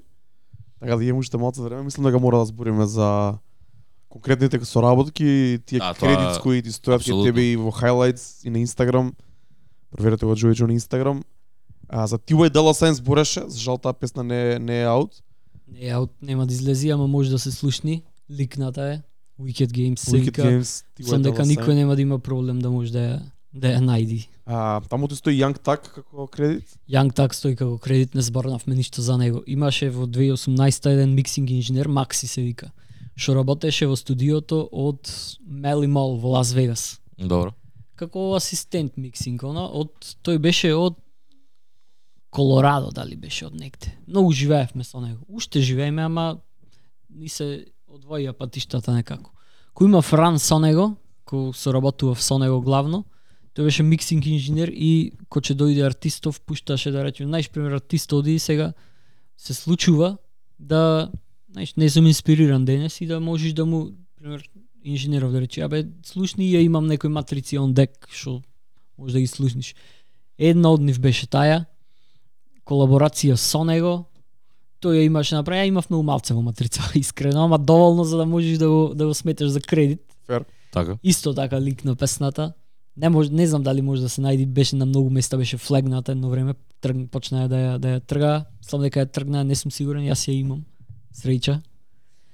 И тоа е тоа и тоа е на сега па Young Tuck со ситуацијава, а и стара песна, мислам дека тоа тоа нема да Да, секако нема да излезе никогаш. Една од поголемите соработки со луѓе кои ги имаме доста зборено на Пандамониум радио, Тајга и DJ Драма, кој ќе збориме и следната епизода исто Ја. така и претходната односно. А, и артистот Лакеја, ја искрено не ја знам. Најнов сајни на Quality Control, Добро. кој излезе песнава беше баш нова, прв проект под QC, фул сето QC тие кажуваа кој ќе биде што ќе биде. Имавме направено на матрица OG Паркер, со OG Паркер и со the Kid, исто добар продуцент. Тој е исто така трап продуцент, ама на кај поп води ве оди. R&B така нешто по мейнстрим. А, многу едноставна матрица, многу малце време беше посветено на незе. Првенствено само Тајга сними песна на незе. Значи Добро. цела песна in person беше од Тајга. Нели има тој многу повеќе од колку Лакеја во песнава. Добро. А, негов Throwaway, што не стаса до неговиот албум, две песни сними Тајга тогаш на наши матрици со Уджи Паркер. Значи две песни имам со Тајга, од која еднава е ова, другата не знам никако се вика, знам само на која матрица е, ништо немам ни слушнато ни едно ни друго. А, Throwaway од Тајга, дај да ја земиме за Лакеја, пошто Уджи Паркер е во Quality Control, ја понуди, Тајга прифати. Првенствено, таја песна требаше да биде сингл заедно со Тајга, OG Паркер, тој веќе и како артист дел има и го пишува и во, во насловов. Така. Uh, OG Park, DJ Drama featuring OG Parker, Лакеја Тајга и City Girls снимија строфи на Да. во последен момент ги тргнаа строфиве, али песнава излезе како дел од DJ драма Gangsta Grills Special Edition, пошто Лаке е прв артист женски што има микстейп хостед од DJ драма. Не го знаев ова, ама Брат, crazy shit да ти имам, као... Од Македонија сме, ме разбираш, као DJ драма да ти урла на бит, брат? Big Things. Big things, Не брат. знам дали урла на, на, ова, ама можно едно, е во, брат, да, DJ во моментот е, се ми брат, текна, као- се ми текна. Да, чи, чиме Gangsta Girls мора да урла на битот, брат. Да, да, мора да. не, само outlandish shit мора да кажува, брат. кажува Не, да, да, да. Брат, ја, ја ги читам овие, м- меѓу нив, мислам, го спомнавме Young Tuck, спомнавме тај Dollar Sign, Лакија, Тайга, DJ Drama, следен е Максо Крим, брат. Го имаме запишано овде. Максо Крим, Крип од Хјустон. Фри Максо Крим, брат. Фри Максо Крим. Ки- Киде, за, 2016 киде у затвор сега се пријави, брат, че да пет години ќе служи за да за Рико Кейс. Фри Максо Крим. а, 2016 имав плейсмент преку еден холанџанец продуцент, чисто ко мене интернет продуцент со Pee Wee Longway. Значи до ден денес топ 3 артисти. Wee Longway калибар на Gucci, на Young, Така. uh, Dolph. Значи човекот ми е страшен, премногу го слушам. Прв major placement пред ова со Деко пред се, значи ми пишува едно сабајле ова уште на SoundCloud, значи дете, е имаме една со Wee Longway, да че излези, излезе ни numbers направи ни ништо. Ама со таа песна се запознав со сите од од група од ова MPA шо од Wee Longway. Во најзе беше еден Low Life Black, се вика човеков. И тој е крип нешто на таму. И тој исто така е дел и од ова од персона, од Значи, ко неко десна рака, ама доста близок му, значи сегде се со Мексо Крим заедно. И него му има впрајчано покрај соработкава со Пиви Лонгови, му има впрајчано на Low Left Black. Значи, виртуелно непознат артист, нема, нема ни многу views песнава, што се викали.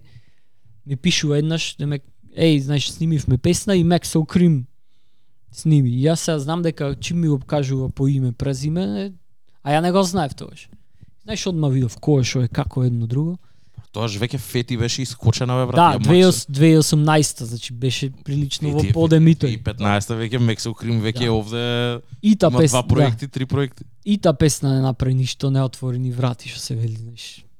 Али имам соработка со Мексо Крим, свеќаш портфолио е тука. Нормално е тоа, да, да, апсолутно. Тоа е тоа. Ги спомнавме и е, Том Боксер и Морена. Друга интернационална соработка, која ни ја спомна сега пред да почнеме да снимаме, е со артистот од Португалија, Плутонио, така? Плутонио, да. Со, тој има голем успех во Португалија, во Бразил, интернационален успех. Кажи ми како стигна до него, каква музика правите заедно, како иде целата таа соработка? Чи Иноматик ми го кажа Мишлави. Направивме на матрица како All Night од Мишлави на вечер во студио со Иноматик и со Вико. Требаше Вико да снима таа матрица. Не сними, матрицата ми остана. По некое време му пишав на ама буквално му пишав на Мишлави на Твитер. Ет Мишлави, имам некој мат... I got some beats for you, демек. Let me know where to send them. Кај кај можам да ти пратам.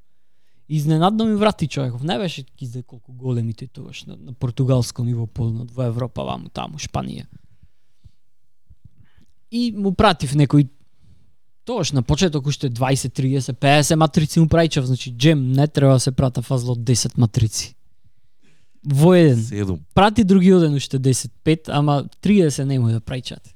Мене некој ми прати 30 лупс, јас ќе остам, ај, кој ќе ги слуша овие Така сега е. сите.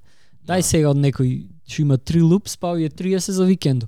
Тој викенд уште иди. Така е, така е точно. Факт. Факт. Управо.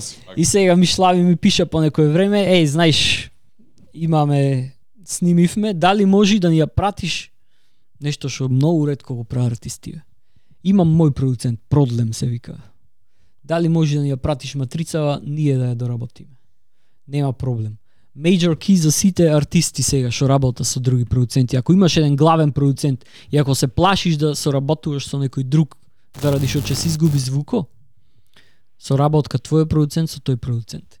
Или земи ја матрицава праше, еј, да, пример, последно Панчови беа. Јас да сакам да работам со Панчо, ќе му речам, еј, слушни ја песнава, ама ќе ти дам канали, среди ја со Лазар. Лазар нај, најдобро те знае тебе, јас те немам ни сретнато, не знам како како снимаш, Да, да. како работиш. Земи ја идејава, доработете, ја може ќе излези нешто. Тој тоа ми го рече, значи дај дали може да ми пратиш по канали со мојов продуцент да ја доработиме. Нема проблем, значи не сме да има пречка, зашто не само јас ќе бидам на матрица и немаше денес ни со Плутонио со работка, ни плакета, ни ништо. Значи мораш да да да и да не ичиш некогаш мораш да попуштиш на почеток джем. Значи а треба да сакаш да значи битен треба да е финалниот продукт, некој колку Така е. проценти ќе вложи во него. И ми вика песнава ќе се вика Рейн, снимивме спот, че излезе ја тоаш Германија ќе одев 2018. Снимивме спот. Јас, Плутонио и Ричи Кембел, демек сите се од Бриджтаун, прва соработка заедна ни. Заемна, заедничка. Заемно. Заемна. Заемна. И Излезе песнава. Прва моја поголема за еден ден имаше 200.000 views, веќеш милион многу брзо првиот месец стаса. Дока 7-8 е сега, не знам ама од нејзе се запозна со менаџеро, пошто соработувавме невнивни, со Плутонио, со Ричи Кембел. Значи две вр... три врати ми се отвориле. Од нив Ричи Кембел до ден денес ќе му пратам матрици и фала ти многу, нема да речено ништо, нема дајано фидбек едно друго. Али со Плутонио, значи исто човек што ми има даено доверба. Ако не ме зна и има околу него топ продуценти, значи молим те ваква песна сакам да направам ваква идеја имам, дали може да ми пратиш? Може, колку време? Три дена, повели. Добро е, одлично. Еве ја снимив песна. Дали мислиш дека може нешто? Тој тој мене ме прашува. Сам ме свајчаш што ти Да. велам. Дали мислиш дека може нешто да подспремим или да подсредим или интрово може треба да се скрати негде или свајчаш како да, Да, да ја прилагам creative- матрицава според онака, напишам. да. Да, да. Мислам дека така треба види секоја интернет соработка преку артист и, и, и продуцент. Многу подобар продукт ќе излези од колку само да се земи матрица и тоа е тоа. Пошто јас немам појма матрица што ќе направам, кој што ќе направи на нејзе. точно. И а, така се се се поврзавме со Плутонио. Со Мишлави чат пат се слушаме многу поредко, тој на некако пауза малце зеде од музика, поредко почна Плутонио Full Gas.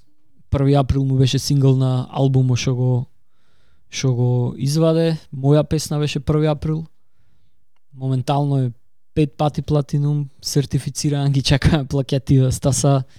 албумо е прв дигитален албум што бил платинум во Португалија, Плутони моментално е во Бразил, се експандира, пошто менаџеров негов сега е хед на Sony Music и видео е дека најмногу од Бразил има фидбек на песна, јазико истио. Браво. Има нешто Тоа е со, со... International Big Things. Да, брат, тоа Така, е некако. untapped market е И тоа. сега, еве сега на, на наредно прашање се надоврзам. Португалија. Том Боксер и Морена од Романија се двајцата. Да. Сам дека беа дечко и девојка колку што сватив. Се преселиле во Португалија. Слушнале 1 април, Том Боксер ме најде. Еј, братче, имаш добри матрици, дали си за соработка?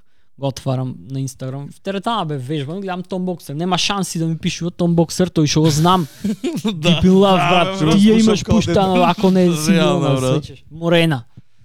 И отварам 700 followers, ја тоа што има 800. Мислам, не е ни битно, ама свеќаш одма че си речиш, човеков е некој што имаше хит. Нема шанси да е тој. Кај ме слушна, моментално живеам во Португалија, вака така, па не ми држи вода, човек, свеќаш? Се слушнавме, а, Том Боксер, човеков. Ја не знаев никако како изгледа тоа, дома требаше спото, а го пуштам кога се врати од теретана. Се, Си викаш некој да не те кетфиша. Да бе, да, да, да, баш, баш. Дај се јавува Том Боксер. Дај нешто, направиме вакви имам матрици, имам такви имам матрици, едно друго, направивме добра соработка со Морена. Две, не една, две. Една денсхол, преуба, значи мене може во оми топ 3, ма... не топ 3, најомилена песна што сум ја направил. Само демо излезе со рефрен, ама преуба летна песна, кој од Малумани. Со то, а, Том Боксер и Морена се скараја, правевме уште една песна, требаше да излезе, не излезе, пошто се разделија тие двајца. Том Боксер се врати во Романија. Уште сме во одличен контакт. Сакам да дојди, го викам да дојди, не можеме да се погодиме, да поработиме тро. Јас не можам да се погодам да стасам до таму уште и тоа е тоа со нив. И многу ми е мило што кој ја направив таа колаборација, јас некако еден компас си створив во глата, од кои три страни веќе ги имам. Значи, Том Боксер и Морена се хаус, електро, EDM, нека е, што Поп, сакаш Да, речи. поп А, хаус, поп да. музика, брат, поп хаус музика. А, друга насока во која што имам појдено е еве овие со имани што ги правиме R&B нешто потакво. Трета насока нека е Pee Wee Longway, значи она класичен Underground trap. трап, underground трап. И за уште една, сакам нешто стварно невидено да биде, уште ми е четврта насока непополнета, ама не се брзам за нејзе. Сакам да види нешто нешто многу ново за мене, не за некој друг. За мене сакам нешто ново да биде. Како ја третираш оваа насока балканскава да речеме со Елена Килич со Дали ќе биде таја четврта, не знам, не е таја четврта. Четврта Тоа сакам само да експериментирање во таа во Тоа е таа зона. а, Елена Китич и Джала соработкиве ми се некои јас лично да си докажам дека можам и таму да појдам, дека можам и тоа да го прам. И прераснале во соработки, во контакти, во до ден денес соработки што се вика, значи Ете му и на Сергеј Пајч му направивме, значи баш она assembly line матрица јас ја дав Джала напише песна, Сергеј Пајч ја сними. За Елена Китич направивме песна прво со Джала. Джала за него двете си ги напиша и е, Како стапи контакт брат? Како Му пишав на еден другар негов, што мислам дека во, во му работеше некаков студио, нормално, значи ова од SoundCloud техникава, најди го тој со најмалце followers и пиши му. Значи како, е, му пишав него и му реков Еха здраво, вака и вака имам некои матрици за, за артисти од Империја, за Джала, за друго. Значи, прати, значи, добро, пратив. Одлични се матрици, значи ќе ги слушни Джала, Джала ги слушна, одлични се. Пак конзистентноста иди. Треба да прајчаш, да прајчаш, да прајчаш, да прајчаш за не, по некој месец да речем, еј братче, знаеш, треба на Елена да ја правиме матрица. Ваква замисла имаме, ок- околу тоа темпо да се движи, енергична да биде, прати ни такви. Вечерта се нуање пет матрици направи такви. Една, две, три, четири, пет.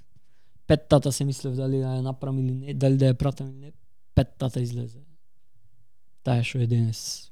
Пш, пш. Од тука со Джала наредно, албумо, имаме нешто неизваено. И тоа е, ќе видиме што ќе има во иднина. Се работи моментално на на, на, на некои ствари кои што мислам кај што знаеш дека има пласман, ама чекаш уште да да искочат некои ствари кои што ете Да, мислам Ма нема не нема можам да кажам за кој артист. Нема, нема, се работи, брат, цело време се дали- очекува. Да, значи музиката е чекање, не е ништо друго освен чекање.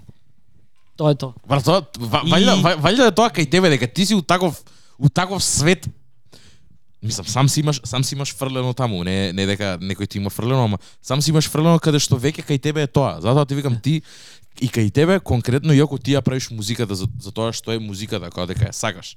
И се гледа дека си одаден на тоа, ама ја можам ти ова го, го, го третираш ко бизнис, ме разбираш, ти си еден од ретките кои што креирање музика и креирање матрици, битови, инструментали го имаш прераснато во бизнис каде што е self-sufficient, ме разбираш. Може може да се каже. Само би сакал да заокружам од се а, дека е баш тоа дека нема правила и дека нема, знаеш како и не е пато познат.